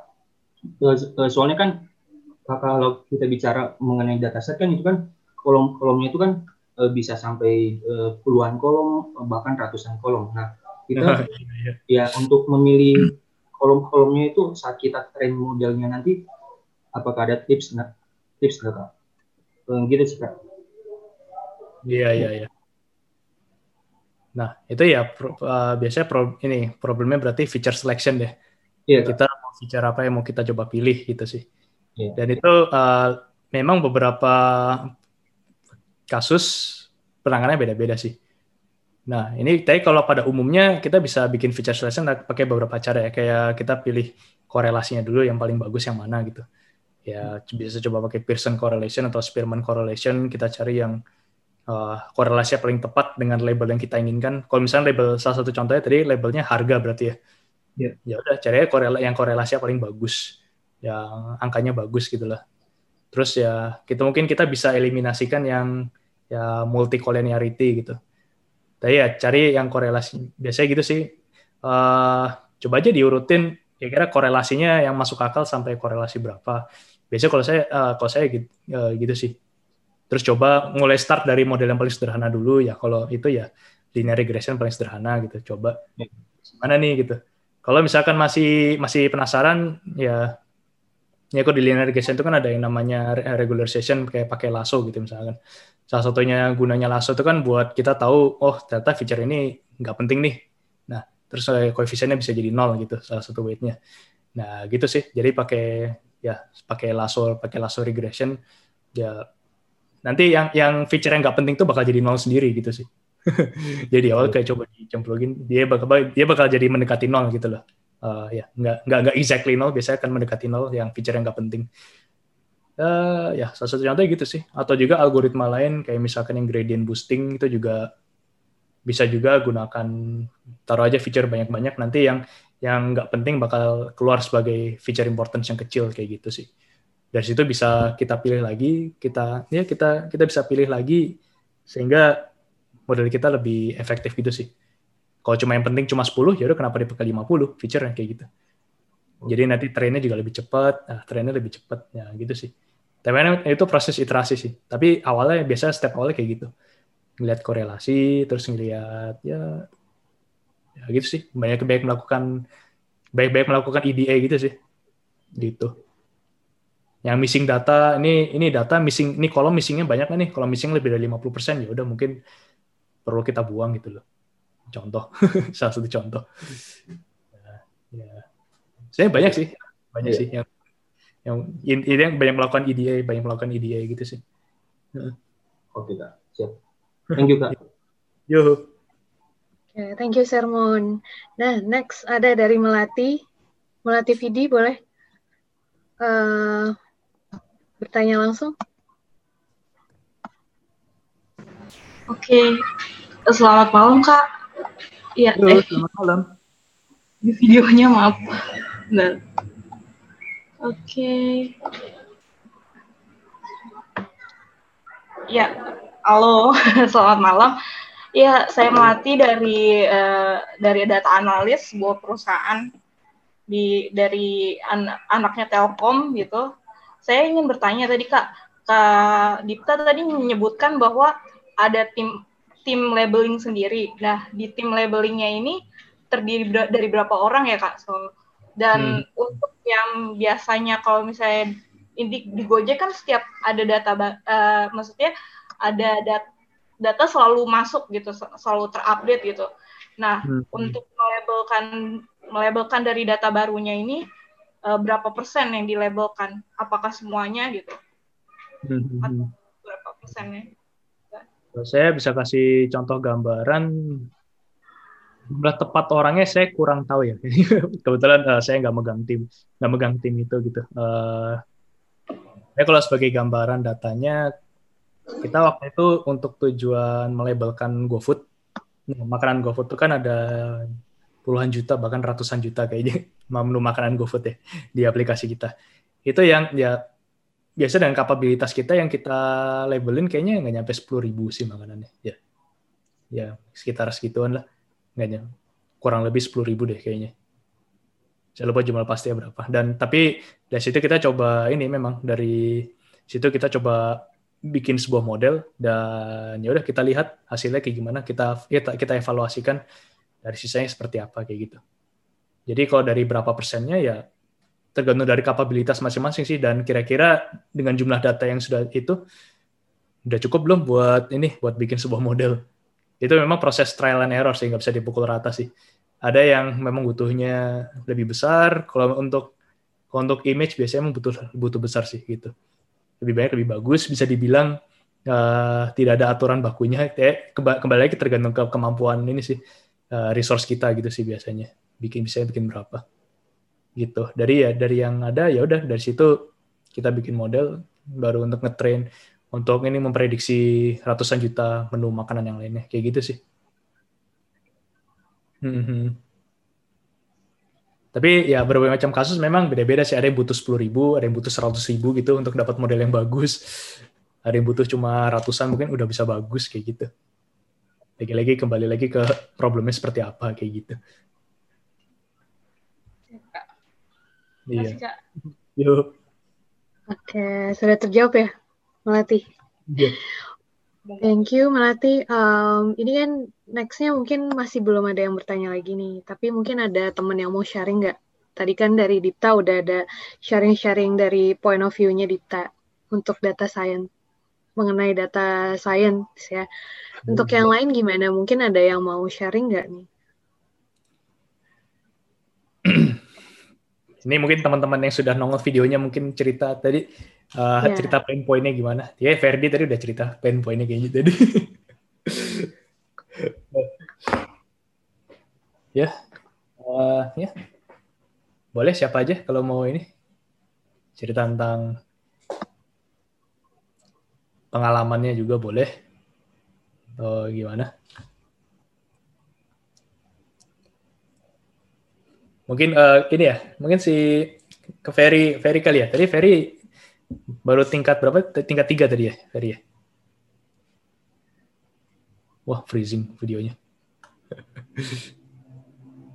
Apa saya yang freeze? Hmm. Oh, ini ya. Hmm. Ah, Oke, okay. ada ada ya ada yang bertanya lagi nih, Dipta. Hmm, Alvin Pradana, oke, okay. gimana nih Alvin? Yes. Alvin Pradana mungkin bisa. Oh, suaranya masih mute, Alvin. Sorry. Oh, sorry. Oh, ya. Uh, malam Mas, malam Kak Nadia. Oh, malam. Uh, ya. Jadi uh, perkenalkan saya mahasiswa informatika di TS tahun terakhir. Uh, terima kasih sebelumnya udah diberi kesempatan buat bertanya. Uh, misi Mas mau tanya mengenai uh, karir yang ada di field data science Mas.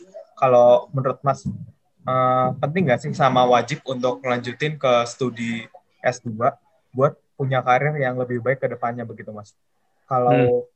setahu saya ya, uh, kalau untuk karir data science di luar itu S2 udah kayak kewajiban gitu Mas habisnya. Dari yang hmm. dilihat-lihat gitu. Kalau di Indonesia kayak gimana ya Mas pandangannya? Makasih okay. Mas.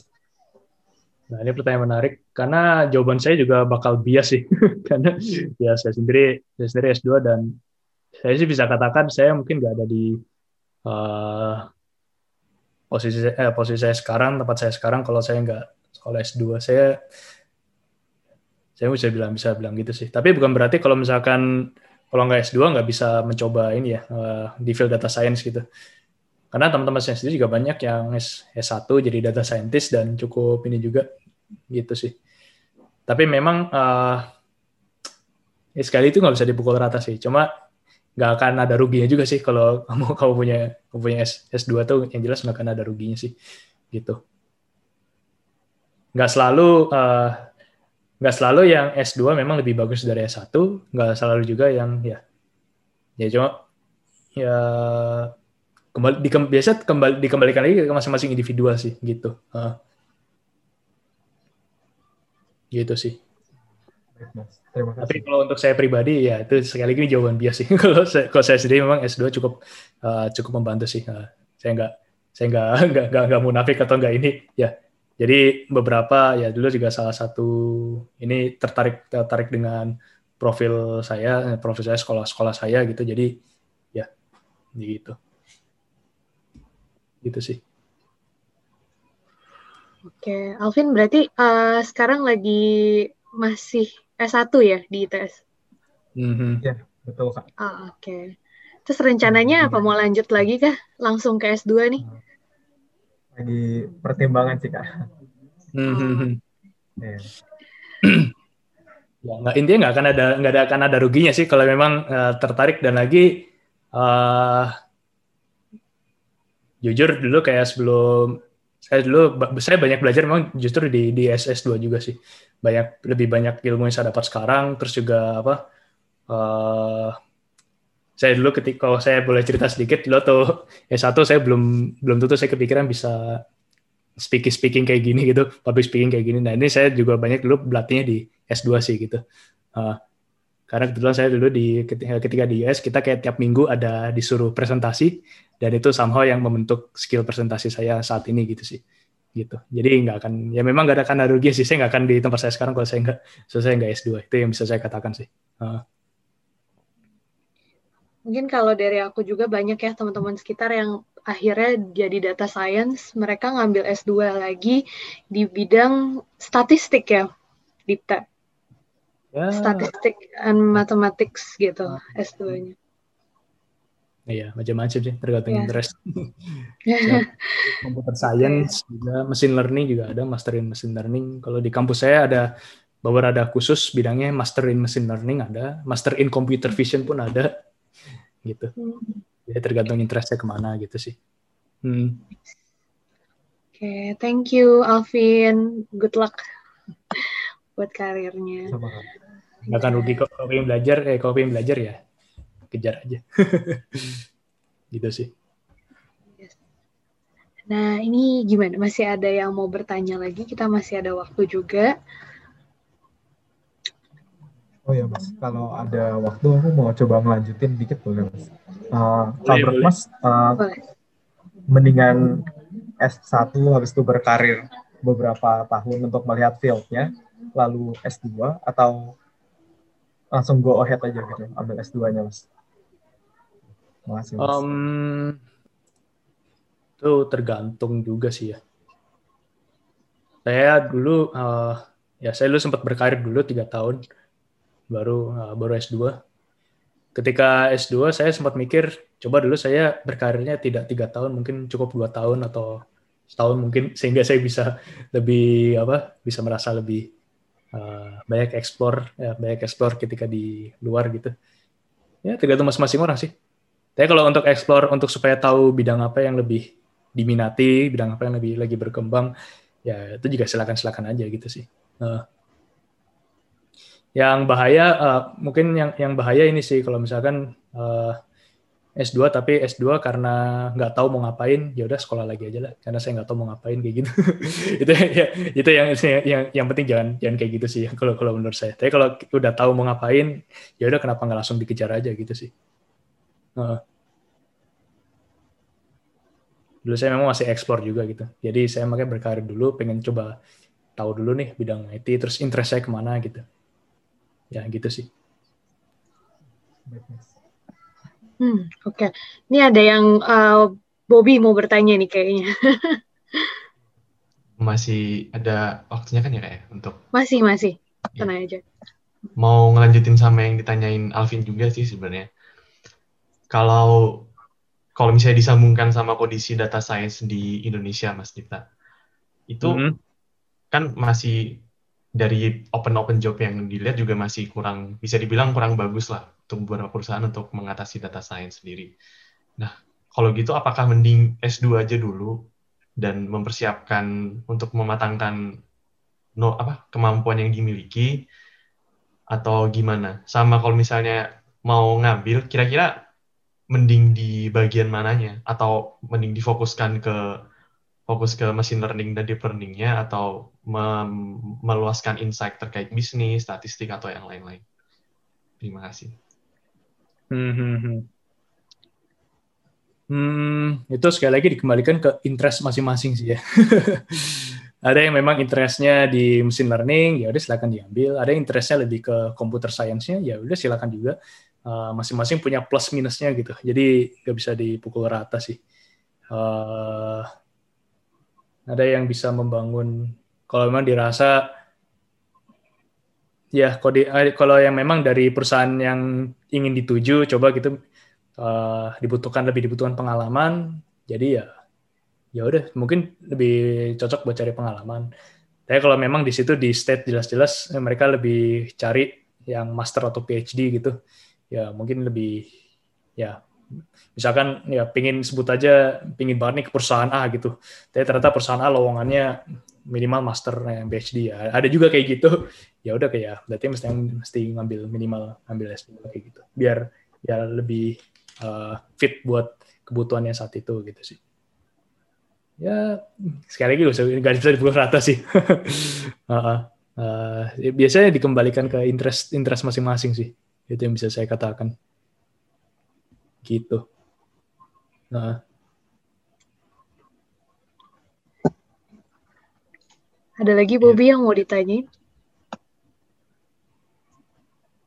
Mau tanya agak teknis nggak apa-apa nih, Boleh. Ya. Saya mau tadi sama yang itu sih kayak penyeleksian fitur. Uh, Mas Dita apa pernah menghadapi kayak misalnya penyeleksian fitur kan bisa dari berdasarkan problem bisnisnya atau menggunakan yang dari model machine learning kayak paraliko apa apa collinearity-nya atau yang hmm. lain-lainnya itu pernah nggak terjadi kayak dari modelnya itu ternyata menghasilkan fiturnya itu ternyata yang penting yang fitur yang penting itu bukan sesuatu yang penting pada bisnisnya sebenarnya dan kalau misalnya terjadi kayak gitu mending ngikutin modelnya atau kita tetap mengikuti problem bisnis yang ada walaupun problem bisnis yang ada ini nantinya menghasilkan akurasi modelnya yang kurang bagus. Hmm, nah itu pertanyaan bagus tuh. Ya kadang memang feature yang penting, uh, terkadang feature yang paling impactful. Nah kita mesti coba hati-hati sih. Memang kita harus hati-hati. Coba kita pertanyakan lagi nih feature ini uh, beneran penting gak sih gitu loh gitu. Apakah ternyata ini malah malah malah jangan-jangan ini leaking leaking feature gitu. Ya kalau di mesin learning ada problem ya leaking di mana feature yang itu sebenarnya uh, secara ilu sebenarnya kayak ilusi gitu. Kayak seolah-olah bagus padahal sebenarnya enggak. Nah itu dikembalikan lagi sih. Uh, kira-kira ini benar apa enggak gitu loh. Gitu. Ya ada ada yang memang di, harus di keep, ada yang memang harus dibuang. Tergantung sih. Gitu. Ya. Mungkin jawabannya gak ngawang ya, tapi menurut saya memang data itu satu yang menarik kayak gitu sih. Uh, kita banyak kayak apa? Karena tuh garis boundary antara benar dan salah itu kayak kayak kayak abu-abu gitu loh. Dan itu memang harus banyak didiskusikan, baik dikompromikan, banyak trial and error. Nah, itu memang sebenarnya iterasi yang data science kan memang kayak gitu sebenarnya. Terus menyesuaikan permasalahannya juga ya, Mas ya. Iya, betul. Solusinya. Betul. Kayak misalkan nih contoh uh, salah satu bikin problem credit risk scoring misalkan gitu lah. Apakah orang ini bakal default apa enggak? Kalau kita masukin feature, feature ini udah orang udah berapa hari nggak bayar. Ternyata feature paling penting adalah kalau orang ini udah lebih dari 30 hari nggak bayar, dia pasti ini ya ya jelas lah gitu lah dia dia dia pasti dia pasti default ya ya jelas lah kan dia udah lebih dari 30 hari. Itu bukan bukan ini lagi itu bukan bukan bukan bukan feature lagi itu memang leaking feature gitu loh. Karena memang ya ya orang udah lebih dari 30 hari ya pasti default gitu kan. Salah satu contoh salah satu contohnya. Tapi kalau misalkan kita lihat di ininya kalau di modelnya kan ya berapa hari dia nggak bayar nah itu penting kan penting banget wah dia bakal paling penting paling tinggi gitu importance-nya dibanding yang feature-feature lain. Tapi apa ini make sense gitu loh.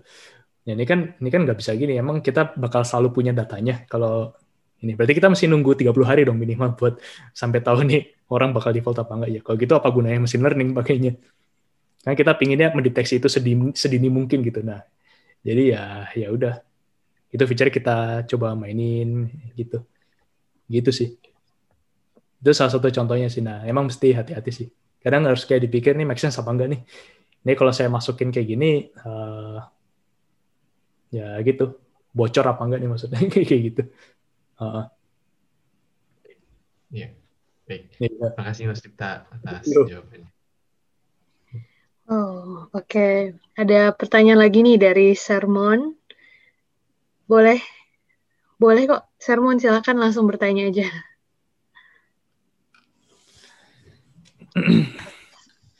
Halo. Halo. Kedengaran? Ya. Ya, Ke, kedengaran. Izin tanya lagi ke Dita. Kira-kira di tim data scientist Gojek di perusahaan kakak ada nggak yang fokus ke NLP gitu? Hmm. NLP misalnya fokus ke text classification misalnya kan biasanya kan kita para eh, user kan kita kan biasanya untuk um, uh, mereview aplikasi gitu. Nah, ada nggak yang uh, fokusnya ke NLP tapi bagian ke text classification kak? Kebetulan uh, apa lagi tertarik juga sih kak ke mm-hmm. ke arah itu. Khusus ke NLP ada ya, memang ada beberapa tim data scientist kita yang fokusnya ke NLP. Beberapa ada yang udah jadi paper dan ikut kontribusi ke Indo NLU atau Indobird. Uh, itu baru juga uh, ini uh, ada postingannya di blog.gojekengineering.com itu memang ada sih. Salah satunya buat bikin POI tadi, point of interest, atau juga beberapa feature yang kayaknya udah di roll out berapa ya. Bentar. Bentar, saya lagi mikir apakah feature ini udah dipublikasi apa belum ya. Bentar. Uh, uh, Oke, ternyata kayaknya belum belum belum dipublish ya. Tapi ada, timnya ada gitu. Kita kita melakukan sesuatu dengan itu dengan POI, dengan chat data itu juga butuh NLP gitu sih. Atau dengan deskripsi makanan GoFood itu juga ada NLP-nya di situ. Dengan apa? Dengan tiket, dengan tiket yang ada atau fraud detection juga gitu, fraud detection salah satunya.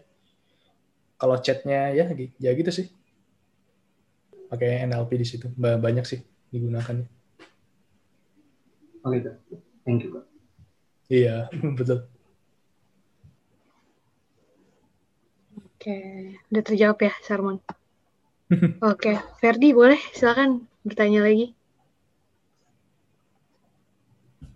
izin tanya lagi kak Dipta uh, saya kan masih data scientist junior nah sedikit dong uh, mukanya nah, kompetensi apa aja sih kak yang yang bisa bikin saya tuh jadi lebih expert gitu kak. Soalnya kalau saya lihat di internet kayak uh, ini mungkin karena saya masih junior ya. Tapi kalau saya lihat di internet tuh kayak katanya statistik penting atau apa penting.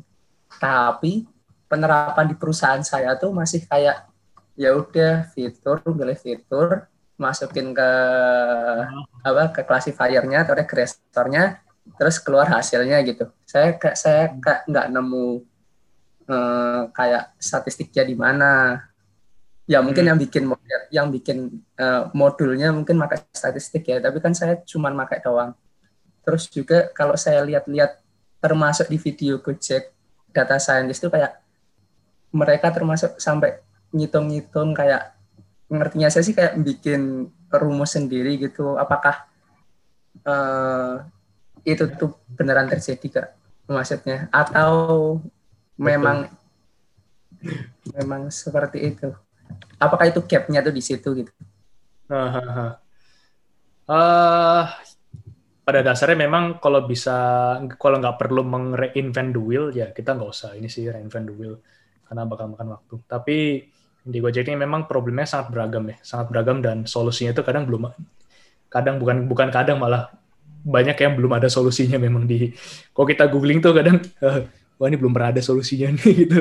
Uh, hmm. ya sering sering ada gitu sih saya juga sering ngerjain project kayak gitu. Makanya yang, saya lakukan adalah saya ngubek-ngubek ngobrol ngobrol sama driver gitu. Saya pernah keliling berkeliling Indonesia buat sekedar FGD dengan driver driver di Sumatera driver di Sulawesi driver di Kalimantan mereka masing-masing punya insight dan pengalaman yang berbeda gitu. Dan ya jadi memang problemnya sangat masih sangat sangat luas. Dan solusinya juga sangat ini sangat beragam. Kita nggak bisa pakai library yang udah jadi. Uh, kita harus bikin library sendiri gitu.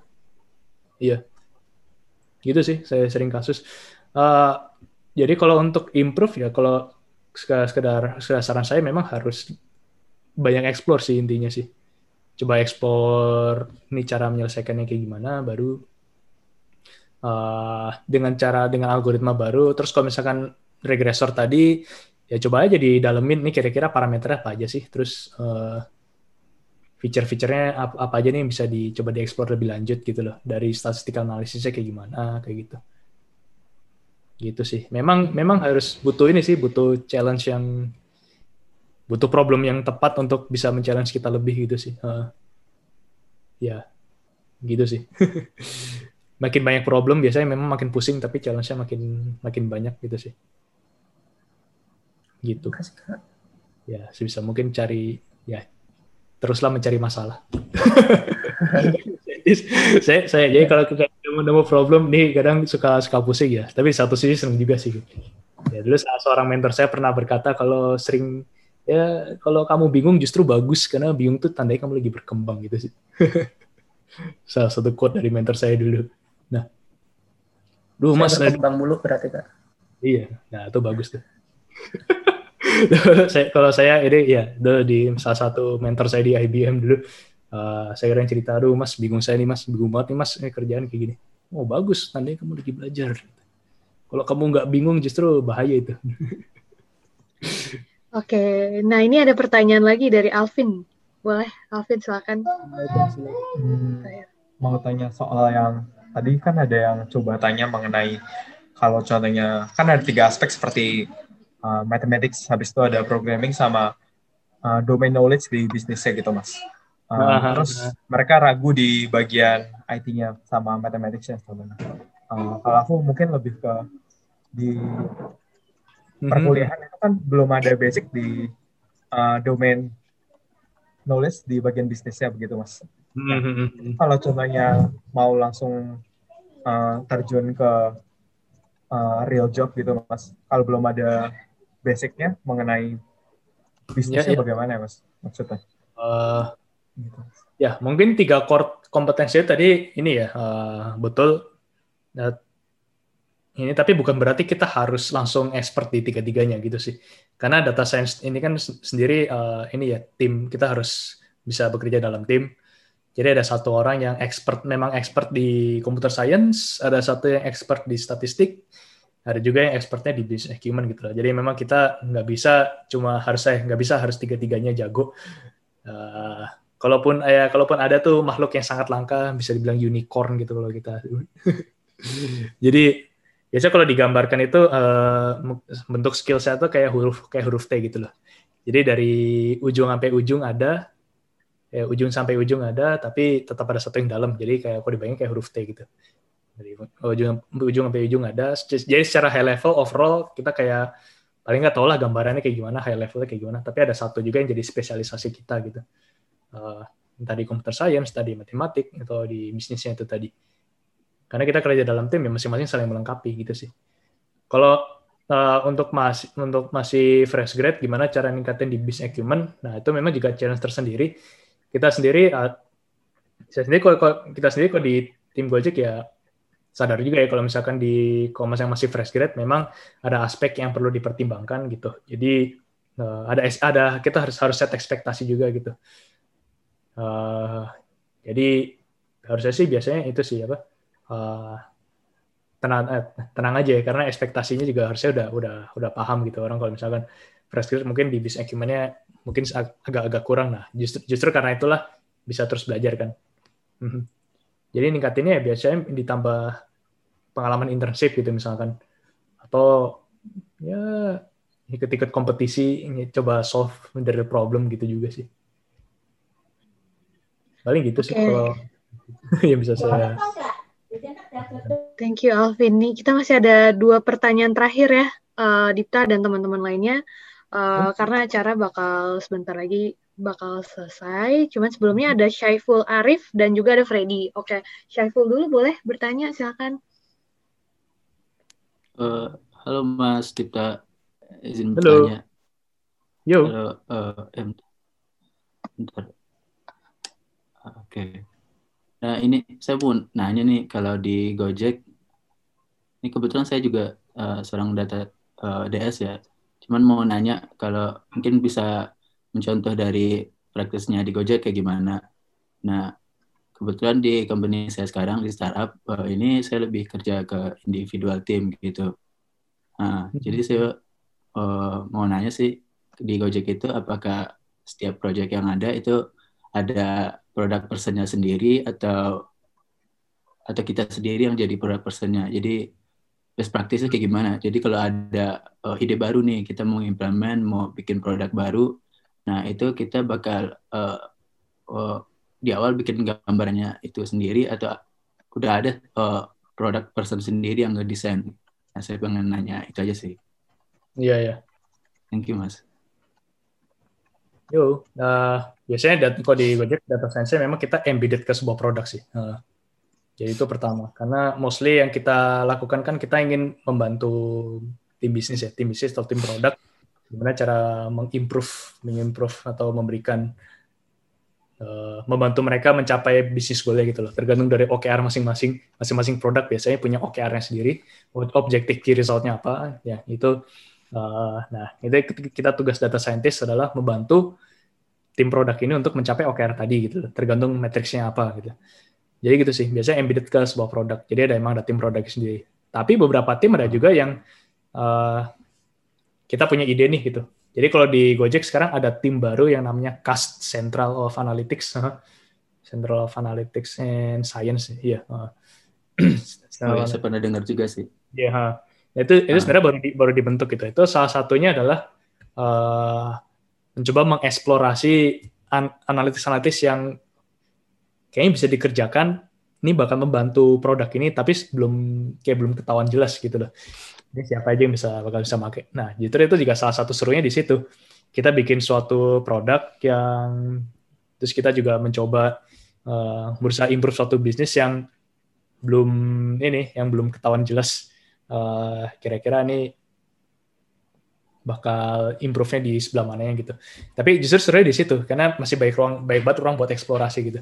Karena kalau setelah di setelah uh, dipikir-pikir ngobrol dengan banyak tim produk ternyata banyak yang uh, banyak yang ke, sempat kepikiran punya feature ini, punya feature itu gitu. Tapi ternyata belum ada, belum ada yang mencoba mengeksplor di situ. Nah, nah inilah uh, si tim kas ini coba di situ. Oke, coba kita eksplor di sini gitu loh. Nah, kayak gitu saya satu contohnya. Ya itu tim tim baru sih. Itu juga lagi coba banyak lowongan gitu di situ. Oke. Okay. Boleh nambah nambah lagi nggak Mas? Singkat sih. Ya, boleh, boleh. Itu, itu kan tadi uh, uh, Mas Dipta uh, sempat mention juga tuh yang di awal tadi yang yang ngedesain apa, apa dia juga lulusan dari ekonomi. Nah, saya tertarik tertarik aja sih uh, uh, apa aja sih yang sebelumnya udah dia pelajari atau lakuin. Betul saya juga lulusan ekonomi jadi pengen uh, hmm. uh, dia step by stepnya ngelakuin apa aja, proyek apa aja pernah dia lakuin gitu. Oke. Okay. Dia sebenarnya cukup aktif nulis sih dan memang di kampusnya dulu ya dia orang Inggris di kampusnya dulu dia kayak berapa kali nulis paper juga deh. Nah, setahu saya gitu sih. Ya kalau misalnya ingin googling googling nama orangnya ya namanya Peter Peter Richards. dia yang nulis tentang allocation system tadi di blognya Gojek jadi silakan aja di search orang. Ah, oke. Okay. nah. Peter Richards.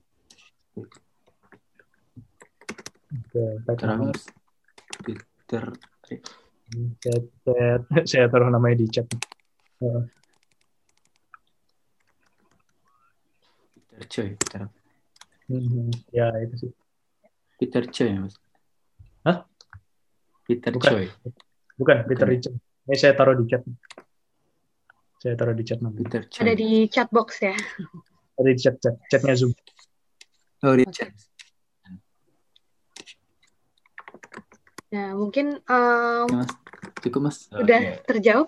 Mas Arif. Ya ada dari thank you dari Mas Freddy juga ada yang mau bertanya nih tentang project di WB. Boleh silakan Mas Freddy. Oh ya, eh, yang izin nanya lagi, eh, Mas Kok saya tertarik juga sama ini apa eh, proyek WB karena WB kan tujuannya untuk tip of the uh, alleviation sama achieving the sustainable development goals. Tertarik juga bagaimana data scientist itu bisa membantu uh, ini achievement di uh, SDG. Jadi penasaran uh, proyek uh, Mas Tirta waktu di World Bank seperti apa dan bagaimana uh, kata scientist. Terus uh, apakah ada kayak mungkin di Gojek kan infrastrukturnya sudah terbentuk dan mungkin uh, World Bank kerja sama pemer- pemerintahan mungkin infrastrukturnya beda. Jadi ada tantangan di situ. Terus bagaimana uh, overcome it? Hmm. Ya, dulu saya di World Bank ini sih eh, terlibat di project membantu ini membantu memberikan insight untuk project dana desa gitu sih. Jadi kebetulan itu eh, saya nggak sendiri, saya itu tuh berdua mhm, dengan salah satu kolega saya Alam. Nah, jadi kita di situ problem terbesar adalah di waktu itu di saat di project dana desa ini dengan Kementerian Keuangan.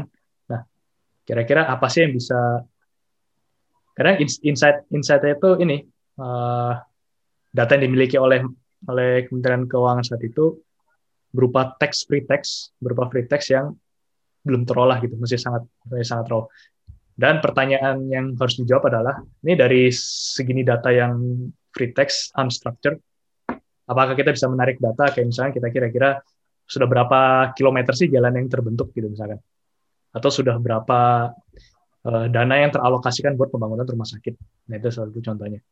Karena di data itu sendiri, datanya ada, datanya berupa free text dan data itu kayak masih masih kayak berantakan gitu. Jadi kayak misalnya satu kolom, eh, satu kolom tuh datanya sangat sangat deskriptif.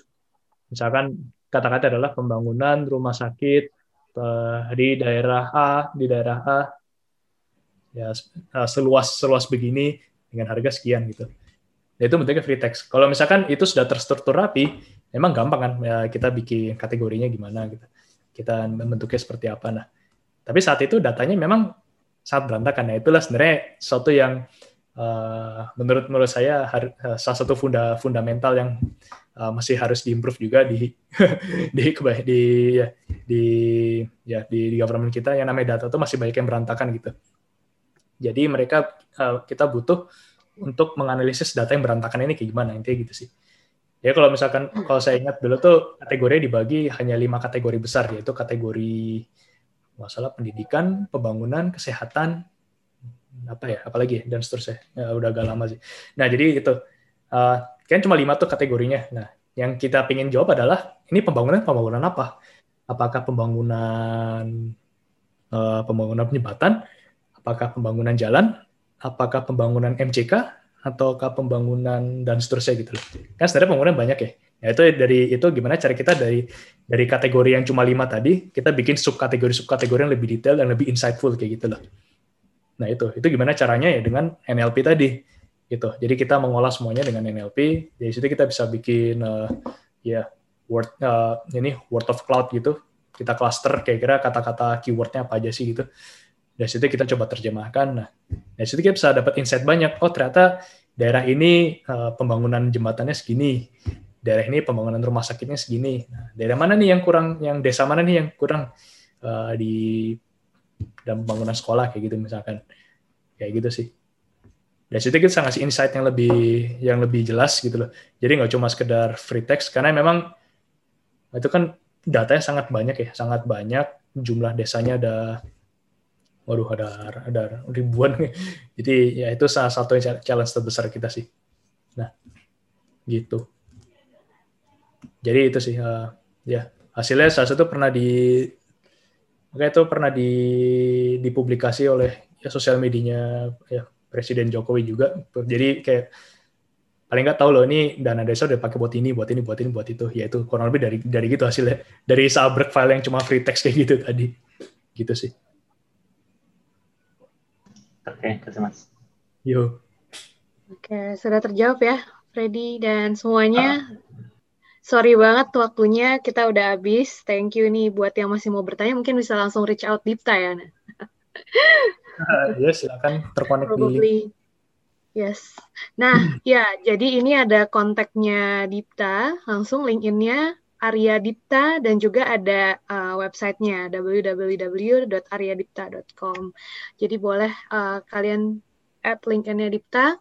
Juga untuk uh, yang mau reach out langsung ke Spotlight Talk, kita juga ada um, sosial medianya, juga ada websitenya di spotlighttalk.com dan untuk Instagram, Twitter, dan YouTube di Spotlight Talk gitu. Nah, uh, setelah ini akan ada juga form buat uh, sebelumnya mungkin dari Dipta sendiri boleh menentukan siapa yang menang untuk sebagai the best uh, question malam ini satu orang dan tiga lainnya kita akan undi di sosial media. Uh, pantengin terus aja nanti Instagramnya Spotlight Talk. Dan untuk yang malam ini mungkin boleh langsung di-announce, Dita. Aha, aha. Ya, terima uh, terima kasih ya. Ini saya juga lagi mikir nih, kira-kira siapa ya? uh, hmm, hmm. Pertanyaan bagus-bagus semua sih. Yes. Jadi jadi ini kalau misalkan saya uh, harus memilih salah satu, jangan salahkan saya, salahkan panitia karena saya harus cuma boleh memilih satu. Bercanda. jadi ya. Uh, yang, uh, yang menarik. Hmm. Yang kayak mostly related. Saya pilih Ferdi Gozali deh. Uh. Oh, congrats Ferdi. yes. Uh, hadiahnya itu voucher Gojek dan juga untuk yang lainnya nanti uh, tungguin juga di Instagram uh, ada pemenang-pemenang lainnya juga yang udah bertanya dan partisipan malam ini. Thank you banget. Uh, oh ya, jangan lupa nanti setelah ini kalian akan ada isi form juga feedback form. Setelah itu nanti kalian bisa mendapatkan sertifikat dari Spotlight Talk um, dan ya ditunggu aja feedback formnya dan jangan lupa diisi. Gitu. Thank you semuanya udah buat hadir. Thank you Dipta buat uh, ilmu-ilmunya juga. Yes. Sampai bertemu teman-teman di uh, sesi spotlight talk selanjutnya.